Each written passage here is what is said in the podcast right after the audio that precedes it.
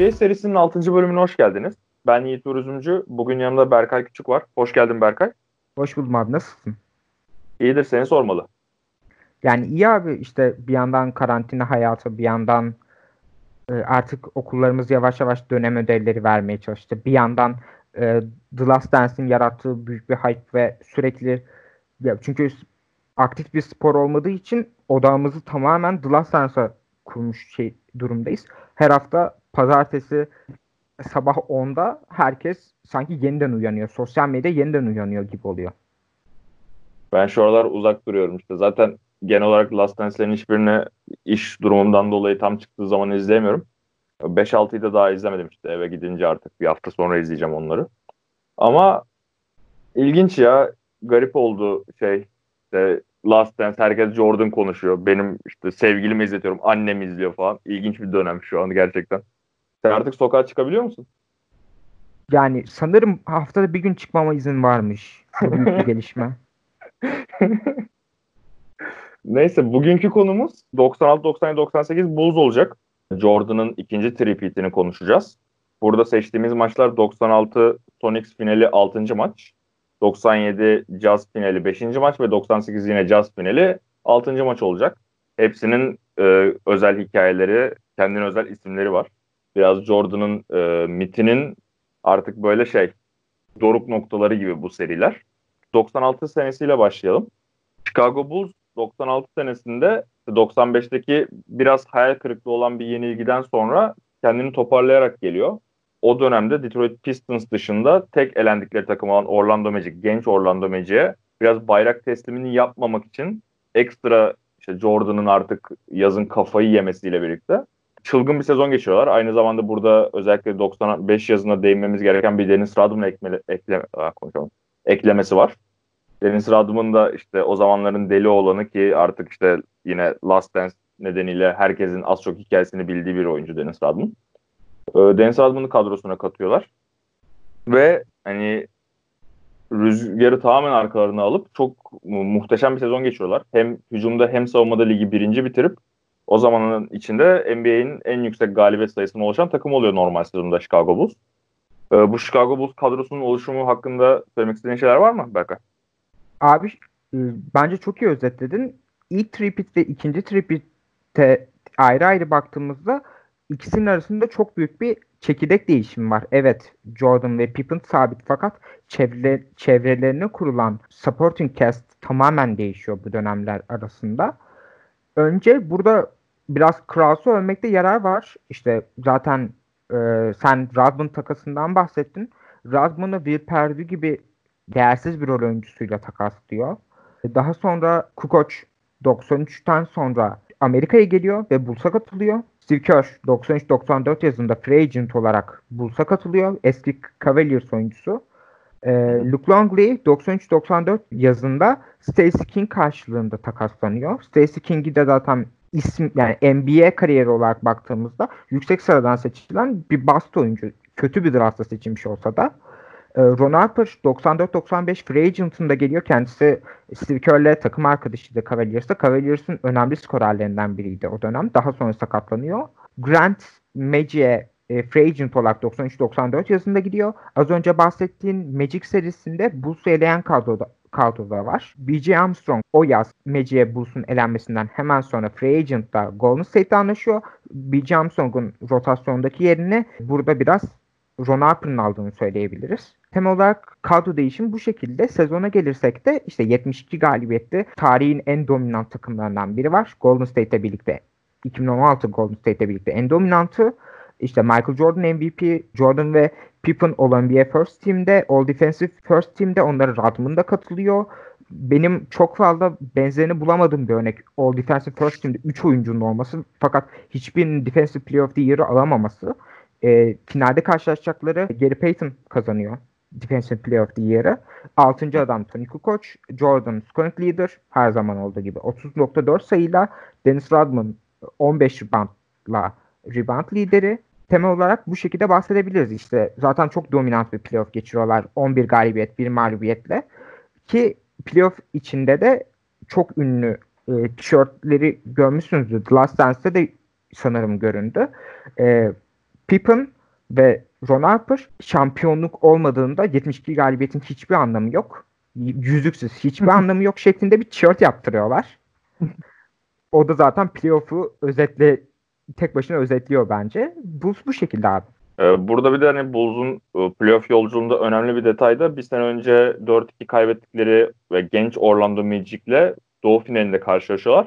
Ve bu sefer süpürerek cevap veriyorlar. Jordan'ın tekrar oynadığı ilk bu sezonda e, zaten işte 11-1 geliyorlar NBA finaline kadar. Biraz da Seattle'dan bahsedelim. Seattle'da o dönemin hani yavaş yavaş yükselen genç takımı gibi görünebilir. Hani Gary Payton ve Sean Kemp etrafına kurulu bir takım. Kadro derinliği de fena değil. Onlar da zaten bu sezonu e, savunma sıralamasında ikinci bitiriyor. Yani defensive rating'e bakarak değerlendiriyorum ben bunu. Defensive rating'de Chicago Bulls birinci, Seattle Supersonics de ikinci. Dediğin gibi zaten yılın savunmacısı ödülünde Gary Payton alıyor. Sean Kemp aynı zamanda işte NBA'nin o zamanlar hani popüler oyuncularından, yükselen yıldızlarından. Aynı zamanda veteran oyuncular var etraflarında. İşte Detlef Schrempf var. Daha önce iki defa yılın 6. adamı ödülünü kazanmış bir oyuncu Avrupalı. E, Hersey Hawkins var. Sam Perkins var yine veteran. E, bir de yine Nate McMillan var ki o da bu seride sakat aslında ama yine de Seattle'ın o tam sağ baskı, guardların özellikle tam sağ baskısında çok etkili bir oyuncu kenardan gelerek. Sam Perkins de işte şutör uzun. Detlef Schrempf yine e, çok yönlü forvet. Hani güzel geniş kadrolar var. Zaten George Karl'ın e, yüksek tempo oyununu oynattığı bir takım. Onlar da Batı'da ilk turda Sacramento Kings'e eliyorlar 3-1. Daha sonra son iki sezonun şampiyonu Houston'u süpürüyorlar ki ben bu seriye bir ara bakmak istiyorum geri dönüp. Hani gerçekten şey gibi bir şey herhalde bu ya. 2011 Dallas'ın Lakers'ı süpürmesi gibi bir şey. Baya büyük bir upset. Ee, daha sonra da Utah Jazz'i 4-3 geçiyorlar 7. maçta. Ve NBA finalinde Chicago Bulls'la karşılaşıyorlar. Chicago Bulls da hani 6. maça gelmeden önce biraz bu seriden bahsedelim. İlk 3 maçta Chicago Bulls yani direkt 3 maçı alıyor. Ve zaten NBA tarihinde playofflarda 3-0'dan dönen hiçbir takım yok. NBA finallerinde de keza yok. Daha sonra George Karl ve Gary Payton hani artık çaresizlikten George Karl Gary Payton'ı Michael Jordan'ın üzerine atıyor. Ve serinin hani kısmi dönüm noktası olarak geçiyor bu e, hamle. Gary Payton'ın Michael Jordan savunmasından sonra Michael Jordan'ın yüzdeleri düşüyor ki zaten bu bölümün yani bu serinin sonunda da bahsederiz. Michael Jordan'ın en kötü final performansı bu sezonki final performansı ve Seattle iki maç kazanıyor. Daha sonra e, 6. maça geliyoruz. E, ekleyeceğim bir şey var mı Berkay?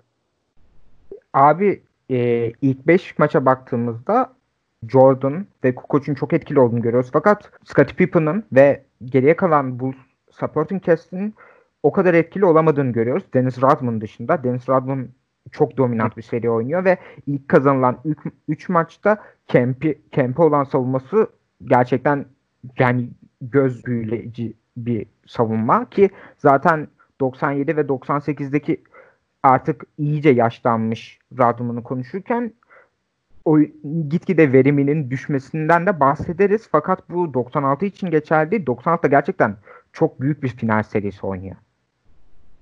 Yani zaten 96 Bulls aslında e, o sezon ki maçtan önce bahsediyor en yaşlı takımı. Hani Radman'ı biz hep böyle enerjik ve işte savaşçı bir oyuncu olarak biliyoruz ama Radman burada 34 yaşında artık zaten hani. Ya prime'ını geç fiziksel olarak yani düşüş noktalarında ama hala işte ekstra enerjisi, ekstra çabasıyla özellikle bu maçta çok dikkat çekici performans gösteriyor. Ee, bu maça gelirsek e, öncelikle maç önünde işte şeyden senin de bahsettiğin konudan bahsediyor. Özellikle işte Pippen'ın, Ron Harper'ın ve Steve Kerr'ın nasıl kötü bir seri geçirdiğinden falan bahsediyorlar yayında. Abi ee, Bob Costas'ın Steve Kerr konusunda ne dediğini hatırlıyor musun? Net hatırlamıyorum. Paylaş istersen. Steve Kerr is healthy but his jump shot isn't. Ben ne zaman bunu görsem gül, duysam gülme krizine giriyorum. Ya zaten ben Bob Costas gerçekten çok seviyorum. Hem benim takımımın e, ne olursa olsun zirve döneminin yorumcusu olması nedeniyle NBA'de hem de aynı zamanda bence gerçekten iyi bir maç yorumcusu. Yani bunu al şeye saklayacağım 98'e saklayacağım da hani biraz da Jordan'ı ve Bulls'u güzel yalıyor bazı yerlerde. O yüzden doğal olarak seversin yani. Ama yani. Ep- epik bir şey var ya tarzı var. Olayları güzel anlatıyor yani.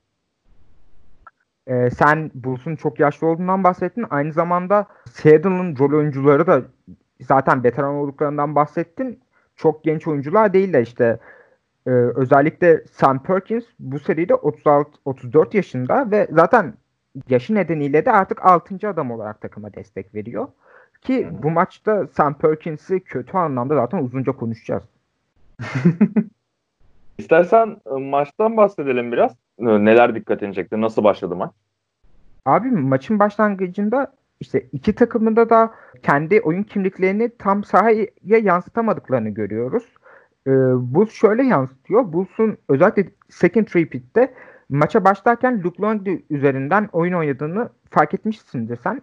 E, Longley ve Pippen üzerinden baskıcı bir oyun oynuyor Bulls. Zaten işte bunun temel amacı da Jordan'ı sonraki çeyreklere kadar için dinlendirmek ilk çeyrekten Jordan odaklı bir oyun oynamamak. Rol oyuncularının tempo bulmasını sağlamak. Ron Harper iyi maç, maça iyi başlıyor fakat Kemp daha iyi başlıyor. Kemp çok dominant bir ilk çeyrek geçiriyor. İşte Dennis Rodman'ı ofansif rebound aldıktan sonra itip attığı sayı o çeyrekteki Kemp'i görsel olarak bence iyi özetleyen bir şey. Onun dışında işte Dete Champ'i e, kısa oyuncularla eşleştirmeye çalışıyorlar. Pick and roll ta, da, tam roll değil ama pick üzerinden o, oyuncu switchleyerek özellikle Ron Harper ve zaman zaman Scottie Pippen üzerinden Detlef'in iyi oynadığını görüyoruz. İyi bitirdiğini görüyoruz ki zaten çok iyi bir final sesi geçiriyor. Aha. Temel olarak benim ilk çeyrek özelinde dikkatim bundan çektim. Yani Sean Kemp zaten hani 3. çeyreğe kadar aslında e, Seattle'ın taşıyıcı oyuncusu. İlk yarı çok iyi geçiriyor zaten. Ama şeye baktığımızda işte Chicago Bulls tarafına geldiğimizde e, Michael Jordan'ın aslında o kadar iyi bir maç çıkarmadığını görüyoruz. Özellikle şut performansı olarak ki dediğim gibi hani Gary Payton savunduktan sonra burada Gary Payton'ın savunma etkisinin ne kadar olduğu tartışılır. Çünkü ben biraz da hani artık iyice yorulmuş bir takımın, yorulmuş bir Jordan'ın biraz boşlukları falan kaçırdığını da düşünüyorum bu maçta. Ama yine de hani etkisiz bir Jordan var kendi standartlarıyla karşılaştırdığımızda. Scott Pippen çok etkileyiciydi. Özellikle savunma kısmında işin. Ron Harper vesaire onlar da ekstra katkı verdi. Hani rol oyuncularının iyi katkı aldığı maçtı bu Chicago'nun. Ki hani normalde buraya kadar geldiğimizde hep işte Michael Jordan domine etti ve yan parçalarında biraz katkı verdiği bir Chicago izliyorduk. İlk defa bu sezondaki yani en azından seçtiğimiz maçta yan parçaların daha etkileyici performanslar gösterdiğini görüyoruz. İşte Michael Jordan üzerinden bu seri ve özellikle bu maç Babalar Günü üzerinden mitleştiriliyor. Ve hı hı. özellikle maç önünü e, biz zaten yayına girmeden önce kısa bir konuşmuştuk aramızda. E, dinleyicilerimiz de eğer sadece maç önü sekansındaki NBC anlatımına bile bakarlarsa Babalar Günü üzerinden bir e, United Center'da dönen bir kutlama ve yorumcular sürekli Michael Jordan'a Babalar Günü üzerinden soru soruyor. Jordan'ın da bulunduğu mental durumu göz önünde bulundurduğumuzda Jordan mental olarak da iyi bir maç geçirmiyor. Ki zaten maç sonunda Jordan'ın o ikonik soyunma odası pozunda da bunu çok net bir şekilde anlayabiliyoruz. Ya o şey komikti ya. Maç öncesi de işte Jordan'a babalar gününü soruyorlar. Hani bu mu yani böyle bir günde maç oynamanın senin için ne ne ifade ediyor tarzı bir soru falan oluyor. İşte çocukları da işte stadda maçı izliyor. İşte Jeffrey Jordan'dı galiba. Pankart açmış işte babalar günü pankartı. Ona falan yakın çekim yapıyorlar. İkide bir eşini ve çocuklarını gösteriyor. Baya zaten hani işte şey dibini sıyırmışlar babalar günü temasının. Orada hem NBC hem Chicago. Ama aynı zamanda sonuç olarak bu maçın tanımlandığı şey de Father's Day. Ve gerçekten Jordan Mitty için de e, nasıl diyeyim hikaye olarak çok ilginç bir maç ya.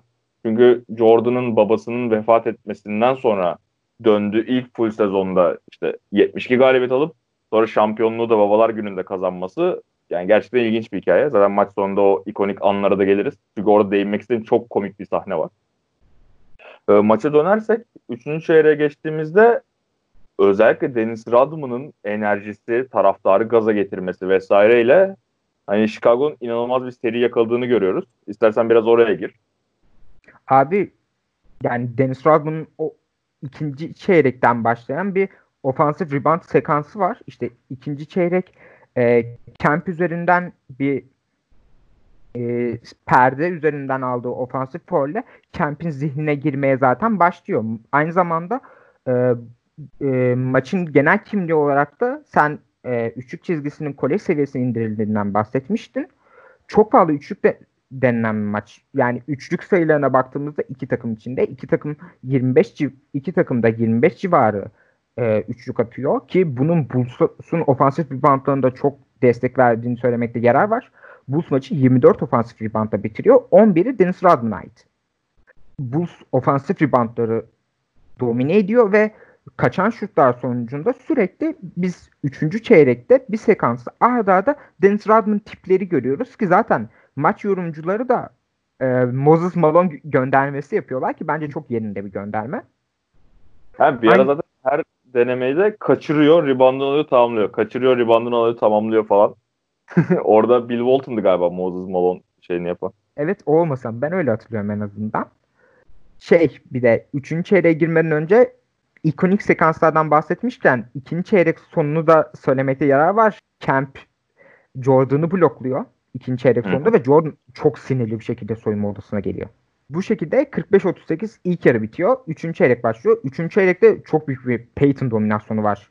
Peyton e, Supersonics'i tek başına ayakta tutan oyuncu ve Data Champions'a destek veriyor. Burada e, Ron Harper'ın üçlükleriyle bu önce karşılık veriyor. Ron Harper konusunda da yine bahsettiğimiz gibi ikonik bir sekans var.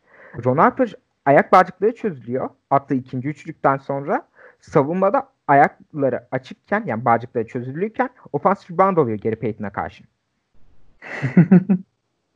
Ki o kadar garip bir sekans ki sonrasında mola geliyor direkt. Orada mola sırasında skor 55-45. Ondan sonra işte Rodman'ın sekansı dediğimiz sekans başlıyor. Yani Kemp'in o kadar çok zihnine giriyor ki Kemp zaten çok kötü bir ikinci yarı geçiriyor. İlk hı hı. bahsettiğim gibi ilk çeyrek ve biraz da ikinci çeyrek iyi bir maç oynamasına rağmen bu dönemde de önce e, George Karl küçük hamleleri deniyor fakat e, elindeki kadronun yaşlılığı da burada biraz göz önüne çıkıyor. Takımın veteran lideri Nate McMillan şu an koç olarak, Indiana koçu olarak bildiğimiz yani e, bench'te ağlıyor.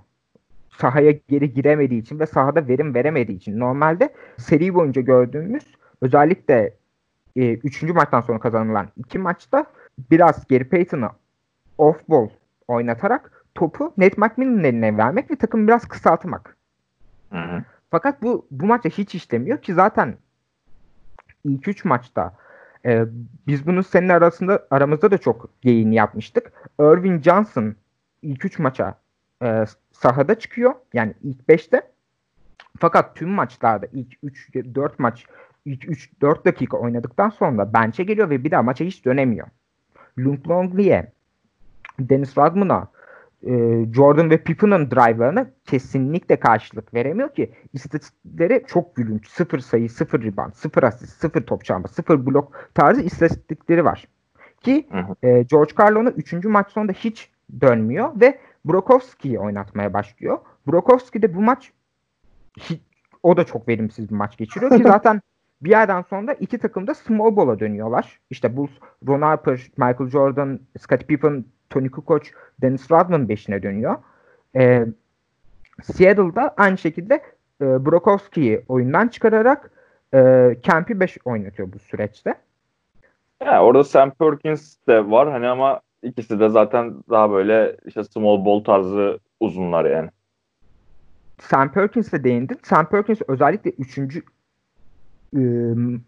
o maçın biraz koptu farkın onlar civarında geçtiği ilk iki çeyrekte ve son çeyrekte Sam Perkins takımın ana şutörü bir uzun olarak e, işte bahsettiğim gibi biraz modern günümüzün oyuncularından biri fakat bir şutör kimliği olmasına rağmen çok çirkin bir jump shot'ı var ki aynı zamanda 91 finalinde Lakers oyuncusuydu. Ben o finalde çok beğenmiştim Sam Perkins'i. O zaman gençlik zamanlarıydı. yani ama bu maç sanki bir el sakatlığı var. Bir bilek sakatlığı varmış gibi jump shot'ın daha da çirkin çıkarıyor ve korkunç bir üçlük performansıyla oynuyor. Yani, yani 7'de 0 oynuyor işte yani. Evet, bayağı maçın oluyor. Bulls'a dönmesine hiç izin vermiyor. Şey, Seattle'a dönmesine hiç izin vermiyor.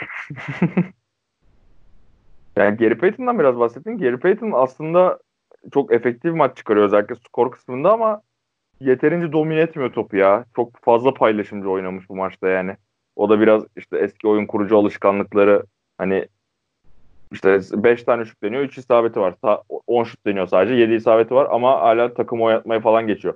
Bir yerden sonra kendi şutunu kovalasa daha etkileyici olabilirmiş. İşte onun şey sekansı var 3. çeyrekte. E, Kemp'le küçük çapta bir show yapıp farkı 9 e, 9 sayılık seri yakalıyorlar. Fark 17 iken fark 8'e indiriyorlar. Hı. Fakat ondan sonra da yine bir anda ortalıktan kayboluyor yine topu domine etmeyi bırakıyor ki bu dönem bu seriden sonra da e, Scott Pippen onu savunmaya başlıyor. Ya Scott Pippen'ın savunması muhteşemdi zaten bu maçta. Yani Scott Pippen çok verimli bir skorer değildir ama bu maç yani bu maç üzerinde fena e, bir skor katkısı yok 17 sayıyla. Ama asıl işte top çalmaları olsun, e, rakip oyuncuları bozmak olsun, setleri bozmak olsun Pippen çok iyi bir savunma performansı gösteriyor. İşte zaten sonra Perkins yine e, bir Steve Kerr üçlüğü geliyor. Sonrasında Perkins kaçırıyor. Üçüncü çeyrek bitiyor. 70 61 ile. Hı hı. E, dördüncü çeyreğe geldiğimizde e, Kukoç üçlük atarak başlıyor. İşte o sekansta 2'de 5 üçlük atmış oluyor. Fakat maç sonunda gelirken iki tane kaçırıyor. 2'de 7 üçlükte bitiriyor. Hı hı. Ki bu aslında genel şut chartına baktığımızda Bulls'un hikayeyi anlatan şey Scottie Pippen de çok pahalı üçlük deniyor bu maç. Michael Jordan da çok pahalı üçlük deniyor. Ki Michael Jordan maçın başında Gary Payton üzerinden bitirdiği üçlük dışında hiç verimli bir şut günü geçirmiyor. Ee, bu kaçan toplarda Bulls'a ofansif rebound olarak dönüyor. Sadece işte biz Dennis Rodman'a odaklandık ama aynı zamanda Scottie Pippen ve Tony Kukoc da çok iyi ofansif rebound geceleri geçiriyorlar. Tony Koç'un tüm reboundları ofansif rebound maçta. Dört rebound var sanırım. Dördü ofansif rebound. Luke Longley'e değinmeyi unuttuk. Luke Longley çok fazla top kaybediyor maç içinde. Altı top kaybı var. Fakat e, özellikle Rodman'ın perdelerinden o kadar iyi çıkıyor ki bir yerden son yani bu ne zaman sıkışsa bir yerden Luke Longley e, üzerinden bitiriyor ki zaten Seattle'ın e, uzunlarından bahsetmiştik özellikle Brokowski üzerinden. Hı hı.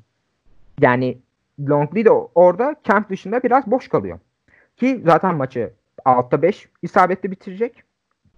Tek kaçan şutu da Brokowski yine aynı set üzerinden oynanan bir hücumda topunu blokluyor. Biraz da Jordan'a değinmek istiyorum çünkü benim aslında bu maçı seçme nedenlerinden biri de şeydi hani tamam bu babalar günü maçı ama aynı zamanda Jordan'ın da e, en kötü final performanslarından biri aslında bu maç. Şut performansı olarak özellikle. Ama maçı izlerken yani şey ne bileyim ilk tripit Jordan'dan daha kötü bence Jordan'ın oyunu. Hani genel olarak bu 90-98 maçlarında konuşacağız.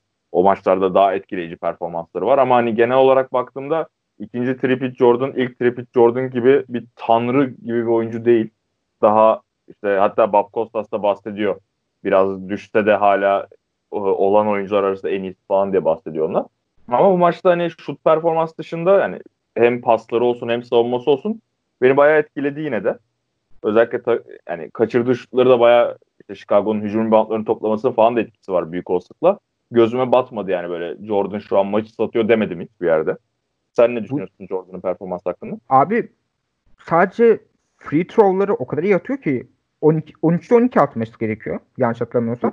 12'de 11 e, yani sadece attığı free throw'larla zaten maç sıkıştığı an özellikle dördüncü çeyrek yani sıkıştı dediğim elbette dördüncü çeyrekte fark var. Bir 10 sayı civarında hep zaten maç o farkta gidiyor fakat bu hücumu sıkıştığında Jordan bir şekilde foul, atışına gidiyor. Yani evet atletik prime'ında olmadığının her, her ne kadar 96 da atletik prime'ında sayılabilir bence. Yine de kötü bir maç çıkarıyor. Fakat Michael Jordan ne zaman serbest satış çizgisine gitmek istese gidiyor bir şekilde. Yani Michael Jordan'dan bahsediyoruz ne olursa olsun. Onun dışında ilk çeyrekteki rebound performans çok etkileyici. İlk çeyreği 6 reboundla bitiriyor. Maçı 9 reboundla bitirecek daha sonra. Jordan devreye giremediği an ben biraz Jordan'ın bu maçında Boston Celtics'te oynanan 7. maçı benzetiyorum. Bilmiyorum katılır mısın? Oradaki Kobe performansına benzetiyorum. Skor Hmm, anlamında devreye giremediğinde bile o Kobe'nin o maç rebound performansı çok etkili bir şekildeydi. Jordan'da bu maç e, takım arkadaşlarının beslemesinde bence bu çok net belli oluyor. Şutu girmese bile sahadaki en iyi oyuncu yine Michael Jordan. Hı hı. Yok o konuda katılıyorum. Zaten hani sadece istatistik olarak bakarsak bile şu yüzdeleri işte Jordan'ın bu maçta %26, o maçta Kobe'nin %25. Hani o karşılaştırmayı çok yapmaya gerek yok ama hani e, Jordan'ın benim hani bu efsane maçları arasında skor yükünü sırtlamadan takımına katkı verdiği tek maç gibi bir şey bu. Hani galibiyet açısından bir şey maçı var bir tane işte ne bileyim. Pistons'a o Bad Boys zamanı yenildikleri maçta da böyle takım besliyor, takım arkadaşları çöküyor falan hiçbir şey yapamıyorlar da. Hani böyle rol oyuncuların devreye girdi. Takımı e, nasıl diyeyim şutu girmezken, skoru üretemezken takımı sırtladığı tek maç falan bu olabilir yani benim izlediğim maçlar arasında. Tabi burada Jordan'ın her maçta elit skorer performansı göstermesinin etkisi var da yine de dikkatimi çeken bir şeydi. Ben daha kötü bir Jordan bekliyordum hani. En azından daha kötü bir Jordan hatırlıyordum bu maçı daha önce izlediğimde. Buradan sonra istersen ikonik anlarına gelelim serinin. Yaparım bu maçın. Şey bir kere önce benim yine Bill Walton'ın üstad yorumlarından bahsetmek istiyorum. Bill Walton maç öncesinde şey diyor. E, Chicago Bulls son iki maçını kaybetti. Serinin kontrolünü, kontrolünü biraz Seattle'a veriyor. Kötü duruma düştü vesaire diyor. Daha sonra e, Seattle tokatlıyor. Bayağı farkı açıyor Chicago. Oradan sonra da şey diyor.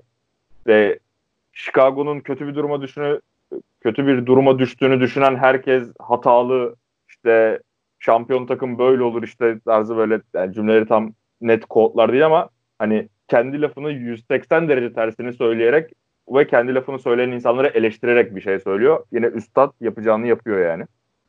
Yani işte ne denebilir ki? İşte önceki podcast'te Aras abi de bahsetmişti. Kafası biraz güzel bir abimizdir Bill Walton. yani ne diyebilirim ki? Şey çok komikti. Maçın sonunda senin dikkatini çekmiştir belki. Ben onu bayağı güldüm çünkü maçın sonunda Jordan topu istiyor. Hani belli yani Jordan'ın hareketlerinden o basketbol topunu alacak ve evine götüreceğini anlıyorsun. Ve Jordan topa gidiyor. Randy Brown da Jordan'a koşuyor. Ve Jordan topla birlikte yere düşüp işte o yani soyunma odası pozu değil de sağdaki o klasik pozu yerde topla yatarken Randy Brown elinden topu çalmaya çalışıyor. Fark ettin mi onu?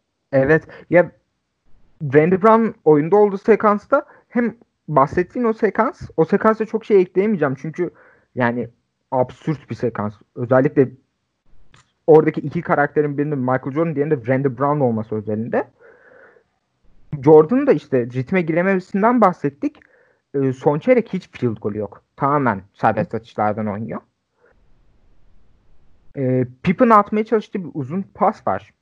Fakat pası o kadar kötü çıkarıyor ki şey interceptlenmemesi için yani çelinmemesi için arasında. Çünkü yanlış hatırlamıyorsam Gary Payton aralarındaki oyuncuydu. Pippen biraz şey zıplama boyunun üstünden geliyor top. Pippen e, parmak uçlarıyla dokunuyor. Fakat top dışarı çıkarken Randy Brown çelmeye çalışıyor. Payton topu alıyor. E, Payton bitirirken de Pippen foul yapıyor. Yani hep biz Bulls'u fast break üzerinden konuş yani hem bu maçta hem de son iki maçlarda second repeat'te hep fast break'teki bir Chicago Bulls'u savunulamazlığı üzerinden konuşacağız. Ben hiç Bulls'un bu kadar kötü bir fast break sayısı ve bu kadar saçma çünkü hata yapan kişi Michael Jordan ne olursa olsun. Hiç mesela Jordan'ı böyle bir pozisyonun içinde izlememiştim ve izlerken bana çok şaşırtıcı geldi. Ya onu daha çok şeyde görüyorsun. Ben mesela o maça değinmedim çok da. İşte Magic Bulls 95 serisinde işte Jordan'ın ilk defa böyle arka arkaya hatalar yaptığı, top kayıpları yaptığı hani ne yapıyor abi bu dediğim maçlardan biri. Ya bu maçta dediğim gibi o kadar hissetmedim. Yine çok top kaybı yapıyor. Yani 5 top kaybıyla bitiriyor maçı ama hani zaten ben öyle düşünüyorum. Bu ikinci tripit Jordan ne kadar galibiyet sayıları falan filan daha etkileyici olsa da o kadar etkileyici bir Jordan değil yani ilk Tripit Jordan gerçekten yani dokunulamaz bir karakter gibi sahada. Burada biraz daha nasıl diyeyim şey ölümlülerin arasına düşmüş yarı tanrı gibi. Diğerinde tam bir tanrı yani. Kimse ona dokunamıyor. Ya ben buna kısmen katılıyorum. Atletik Prime'ını kaybediyor çünkü. Fakat bence iki, second repeat Jordan daha zeki bir oyuncu. Çünkü oyununu artık sadece bitirmektense şutlarına ve fadeaway'lerine yoğunlaştırdığı için ve Jordan görünümü özellikle yani bunun çok büyük bir sebebi bu, burada biraz seni de onaylıyor olacağım. Bizim e, Michael Jordan'la second repeat'te tanışmış olmamız. Onun highlightlarıyla, onun izlediğimiz maçlarıyla. Çünkü Jordan maçı izlemiş herkes muhtemelen Flu Game'i, 98 6. maçı Jazz serilerini izlemiş oluyorlar. Fakat o serilerde de hep Jordan'ın inanılmaz elit bir fadeaway oyunu var. Hı. Fakat yani o estetikliği ben daha çok seviyorum second repeat'in. Çünkü bana peak Jordan estetikliği o gibi geliyor. Fakat Athletic Prime'ı e, ilk repeat'te olduğu için durdurulamazlık anlamında ilk repeat daha önemli bir yerde. Zaten fadeaway oyununun Jordan'ı bu kadar elit bir seviyeye getirmesinin en büyük nedeni de artık 48 dakika boyunca elit savunmacılara karşı, elit uzunlara karşı e, sürekli drive edemiyor. Sürekli potaya gidemeyecek olması. Çünkü oyununu adapte etmek zorunda. Çünkü e, aynı zamanda özellikle Jazz serisinde bahsedeceğiz. Utah Jazz serilerine geldiğimizde ve basketbol artık 90'ın ikinci yarısına geçtiğinde Dick Muta'nın savunma stratejilerini, savunma felsefesini iyiden iyiye e, barındıran, onu benimseyen koç sayısı çok fazla artıyor ve lig artık e, bir savunma ligine dönüşüyor. Hı. 90'ların başında bu biraz daha geçiş aşamasındaydı. İşte Chuck Daly ve Detroit Pistons, Pat Riley ve Knicks etkilenen ilk koçlardı ve bunu lige getiren koçlardı aynı zamanda. Fakat 90'ın ikinci yarısına geldiğimizde perimetre hücumunu Bulls'un durdurmak için ve aynı zamanda Bulls gibi diğer elit takımların ki Bulls'u çıkardığımızda artık Barkley'nin de iyiden iyiye prime'ının geçmesiyle elit uzunların kol gezdiği bir lig haline geliyor. Bunu Aras abi de önceki podcast'te değinmişti. Jordan emekli olduğunda ligin en elit 4 oyuncusu 5 oyuncusundan 4'ü uzundu. Beşincisi Scottie Pippen'dı ve hiç final yapamadı Jordan yokken. Vay Barkley'den iyi miydi sence Scottie Pippen yani? Değildi. Orada ya orada ilk dörde ama Barkley'i koyuyorum ben. Bilmiyorum belki Patrick Ewing'i orada biraz küçümsemiş olabilirim. Patrick Ewing'in benim izlediğim maçlardan sonra zaten küçümseyebilirsin de ya. Şey işte ee, Bulls'a karşı oyunda 7. maçta çok iyi bir performansı var diye hatırlıyorum. Belki yanında olabilirim ama o maçta mesela gerçekten o maçı izlerken Patrick Ewing'den gerçekten etkilenmiştim ama izlediğim geriye kalan tüm maçlarda da tam tersini düşünmüştüm. Çünkü Hakim Olajuwon'la, e, Kemp'le, Shaquille O'Neal'la karşılaştırınca hep benim bir tık altta değerlendirdiğim bir oyuncuydu. Şey maça dönersek de zaten biz de biraz maçtan kopmaya çalıştık çünkü maçta konuşacak şeyler iyice azalıyor. Dördüncü çeyrekte Kemp son 5 dakika kala akıl tutulması yaşıyor. Önce Rodman kudurtuyor. Durduk yere 3. foul'ünü aldır. Üçüncü kez Rodman foul aldırtıyor Kemp'e. Daha sonra da Lung Longley'e foul yapıyor. Lung Longley e, sayı atarken ve foul out. E, 4 dakika 40 saniye kala oyundan çıkıyor. Bu fark zaten o, o sırada 12. Ve maç fiili olarak da bitmiş oluyor. Ondan sonra da Scott'in e, Scott üst üste 2 üçlük atıyor. E, Peyton hakemle tartışıyor. Bir maçı tamamen kaybetmemeye çalışıyor. En azından hakem nezdinde. Fakat işlemiyor ve Bulls ilk şampiyonluğuna ulaşıyor. Yani ikinci yani, ikinci tripit'teki ilk şampiyonluğuna ulaşıyor. yani dedim ki bu maçın maç hikayesi işte Dennis Rodman'la bence en çok tanımlanabilir. İşte jo ama hani Jordan'ın babasının vefatından sonra ilk şampiyonluğunun babalar gününde olması da baya hani işte dediğim gibi böyle bir hikaye yazsan böyle bir senaryoyu yazsan dersin ki yani bu gerçekçi olmadı diyeceğim bir hikaye. Bana öyle geliyor en azından. Böyle 96'yı kapatabiliriz bence. 97'ye geçtiğimizde son şampiyon Chicago Bulls'un ertesi sezonda hani yine 70 galibiyet sınırlarını zorlayıp ki yani 72 Chicago Bulls'tan önce 70 galibiyete çıkan bir takım yok. Ondan önce yanlış hatırlamıyorsam en yüksek galibiyet alan takım Lakers'tı. 69'da falan olması lazım ya da 68'de falan. Ee, tekrar 69 galibiyet alıyor. Ligi yine domine ediyor. Ama bu sefer rakibi değişiyor ve karşısına Utah Jazz çıkıyor. Utah Jazz'e baktığımızda da hani 80'lerin ortasında kurdukları John Stockton Carmelo ikilisiyle 15 yıl boyunca tırmalayıp tırmalayıp tırmalayıp sonunda bu adamların kariyerinin sonunda finale geliyorlar resmen. Finale geldiklerinde ilk finallerinde Carmelo'nun 33, e, John Stockton da 34 yaşında ki 98 finalinde bahsediyorlardı galiba. John Stockton NBA şampiyonluğu olmadan en fazla playoff maçına çıkan adammış 98 sezonunda. Hani bu kadar tırmalayıp biraz da hani şanssızlıklar biraz da artık yetenek kıtlılığıyla bir türlü isteklerine ulaşamıyor Utah 97 sezonuna baktığımızda yine Carmelo'nun bu sezonun MVP'si. Jordan üzerinde MVP oluyor. Biraz işte Jordan'dan başka birine verelim mantığı da olabilir. Artık bilemiyorum 69 galibiyet alan takımın en iyi oyuncusuna bence verilir çünkü MVP. Sen ne düşünüyorsun bu Utah Jazz takım hakkında? Abi en başta MVP konusuna değindin. Ben orada bir şey sormak istiyorum. Çünkü burada bana katılacağını düşünüyorum. Neden artık MVP ödülü sezon ortasında playofflarda verilmiyor oyunculara? şey, şu anki şey mi? Hı hı. Şu ankisi rezalet zaten ya. Ben iki senedir falan ödülleri kimler aldığını bile hatırlamıyorum. Çünkü asla izlemiyorum, asla takip etmiyorum. Çünkü hiçbir anlamı yok playofflar bittikten sonra normal sezon ödüllerini konuşmanın. Gerçekten o konu NBA'in nadir sıçtığı noktalardan biri ya. Ve 90'lara döndüğümüzde işte bu rekabetler içinde Carmelo'nun MVP ödülünü Jordan sahada e, oyuna çıkmak için beklerken kaldırılması bir gövde gösterisi olarak. Bunun benzerliği 90'ların ortasında da var. E, yanlış hatırlamıyorsam David Robinson ve e, Hakim arasında dönüyor. Buna benzer bir MVP muhabbeti ve e, David Robinson Hakim'e karşı oynar, oynayacakları seride ödülü kabul ediyor David Stone tarafından. Ya mesela ben bu serilere bakarken neden artık bu yok? Belki rekabeti o harlamamak için bilmiyorum ama mesela geçen sene Toronto serisinde Yanis'in o ödülü kaldırması çok ilginç olabilirdi. Ya genelde şey oluyordu.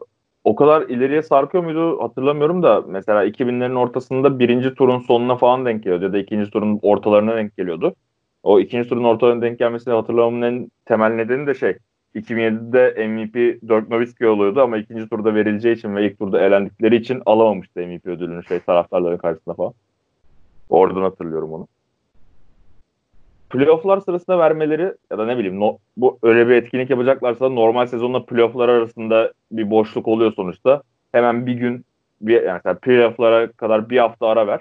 O haftanın ortasına da koy etkinliği çarşamba gününe bitsin yani. Bu kadar basit bir şeyi Evet, saçmaladılar ya. Yapacak bir şey yok. Arada oluyor. Yani çünkü işte aynı zamanda ilk Trippitt'e dönersek mesela Charles Barkley bunu Jordan'a karşı bir gövde gösterisi olarak kullanıyor ve seriye başlamadan önce verdiği röportajda biz daha iyi bir takımız, biz daha çok galibiyet aldık, ben lig MVP'siyim, biz daha iyi bir takımız diyor. Maç öncesinde verdiği röportaj bu kadar. Mesela bence bu çok etkileyici.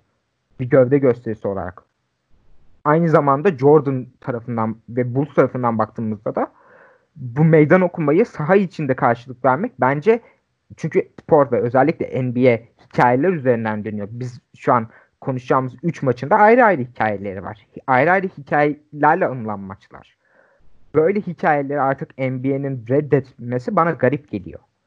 Bilmiyorum orada taktiksel bir hata yaptılar. Büyük olsa sponsorlar vesaire onları kovaladılar herhalde. Bilmiyorum da yani dediğim gibi ben iki senedir falan o ödül normalde tüm ödülleri neredeyse ezbere bilen birisi olarak o iki senede kimler aldığını hatırlamıyorum diye böyle çok uzun süre düşünmem gerekiyor. Çünkü dediğim gibi izlemedim o etkinlikleri.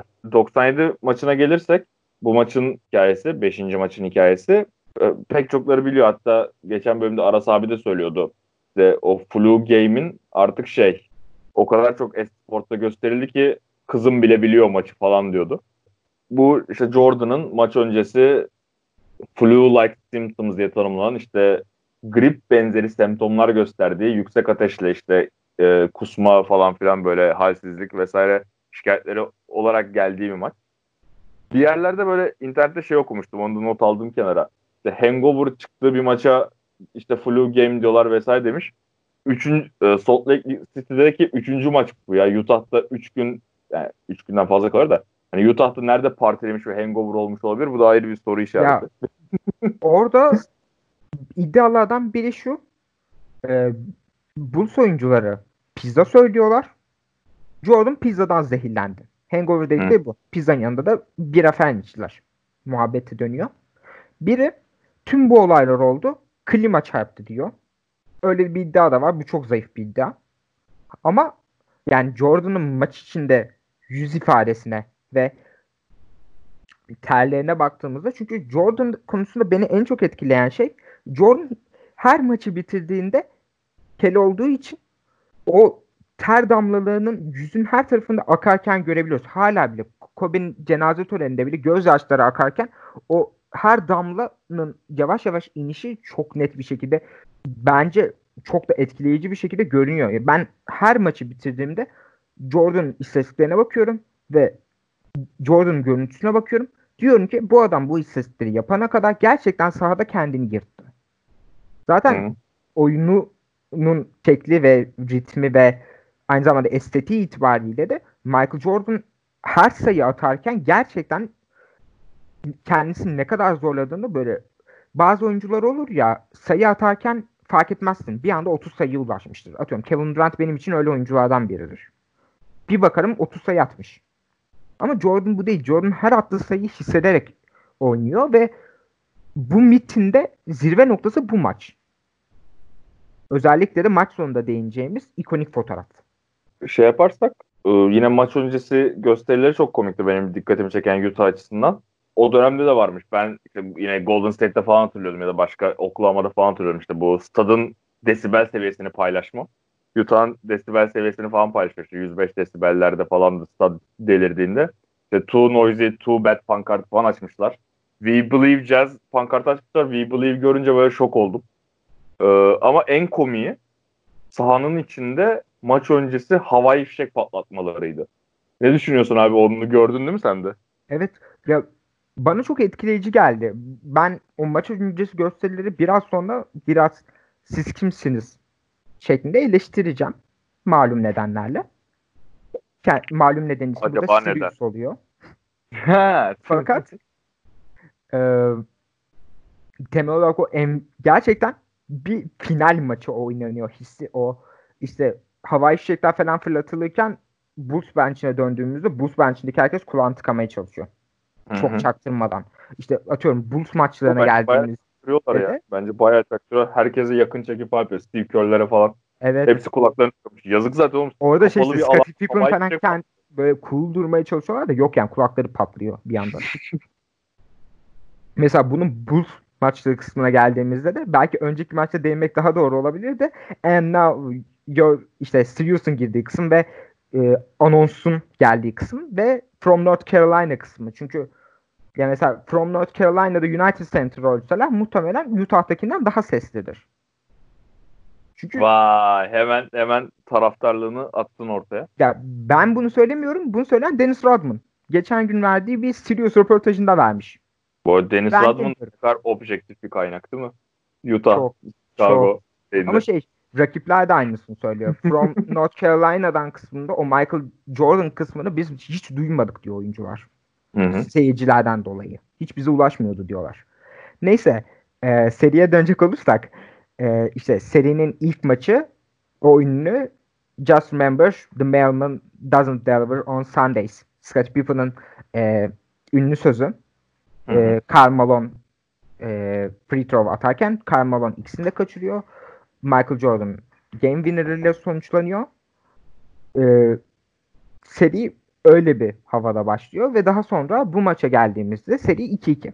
Bu anlamda da ayrı bir önemi olan bir oyun. Çünkü bir maç çünkü Jordan flu semptomları var. Jordan sahaya zar zor çıkacak biçimde. Eğer bu bu maçı kaybetseydi ilk defa bir final serisinde 3-2 geriye düşmüş olacaktı. Yani bir maç uzaklıkta olacaktı rakip takım şampiyonluğa. Bu anlamda da bence bu açıdan yeterince hakkı verilmeyen bir maç bu. Ya şey önemi de var burada. Ki maç içinde bahsediyorlar biraz. Hani Jordan'ın olduğu Bulls 90-91 sezonundan beri 3 maç üst üste kaybetmemiş. Hani 2-0 öne geçtikten sonra 2-2 oluyor seri. Bu hani 5. maç zaten genelde NBA finallerinin en kritik maçı her zaman 5. maçtır. Çünkü hani 2-2 ise seri işte o liderliği 3-2 öne geçecek takım çok kritik olur. Eğer 3-1 ise ki 3-1'de işte bir tane dönen takım var zaten. Bitecek maç olma ihtimali yüksek olur. Hani 5. maçı izlemeye ben hep keyif alırım ya NBA finallerinde. Ama şey maç öncesi gösterilere gelmek istedim çünkü çok komik bir sahne daha vardı benim çok dikkatimi çeken. Ee, adamın adını hatırlamıyorum ama Let's Get Ready to Rumble'ı e, kullanım hakkına sahip olan adam baya böyle Utah Jazz taraftarım artık bilmiyorum da Utah Jazz taraftarını ga- gaza getiriyor işte Let's Get Ready to Rumble diye bağırıyor falan. O çok ilginçti ya. İşte onun dışında da az önce bahsettiğim Utah Jazz tıpkı 93'te Phoenix'in yaptığı gibi Sirius'ta sahaya çıkıyor. Sirius burada rakip takımlar için bir Bulls'a gövde gösterisi anlamına geliyor. Çünkü Sirius bir yerden sonra o takımlar için şöyle bir anlam bürünüyor. Biz Sirius'u oynatırken Bulls'u yeneceğiz ve Sirius bizim olacak. Yani biz bayrağı Sirius'a devralıyoruz. Ve Sirius bir challenge'a dönüşüyor. Bunu Utah Jazz maçlarda çok yapıyor. Hala bile normal sezon maçlarında bile Utah Jazz Sirius'u çalarak maça giriyor. Ben anlamıyorum. Çünkü Sirius'u çaldınız. Sizi yendik. Bizim yani Sirius. Neyse. Sizin bizim sen kaç yaşındaydın e, 97 finali oynandığında? Eksi 3 mü? Eksi 4 mü? Diyorum işte o bir önceki podcast'te bahsetmiştim işte Berkay'ı bu gazı vererek iyi mi yaptık artık kötü mü yaptık bilmiyorum. ya diye. normal şeylerde gaza gelmiyorum ama Sirius beni gaza getiriyor. Sirius Ha, benim Sirius- değerli. Sirius belki de benim basketbol tarihinde gördüğüm en etkileyici açılış yani o Sirius şarkısıyla Chicago Bulls'un açılışı. Ki zaten Utah'ta aynı havayı almıyorsun mesela onlar o gösteriyi o kadar iyi kullanmıyor. Sadece şarkıyı çalıyorlar arada.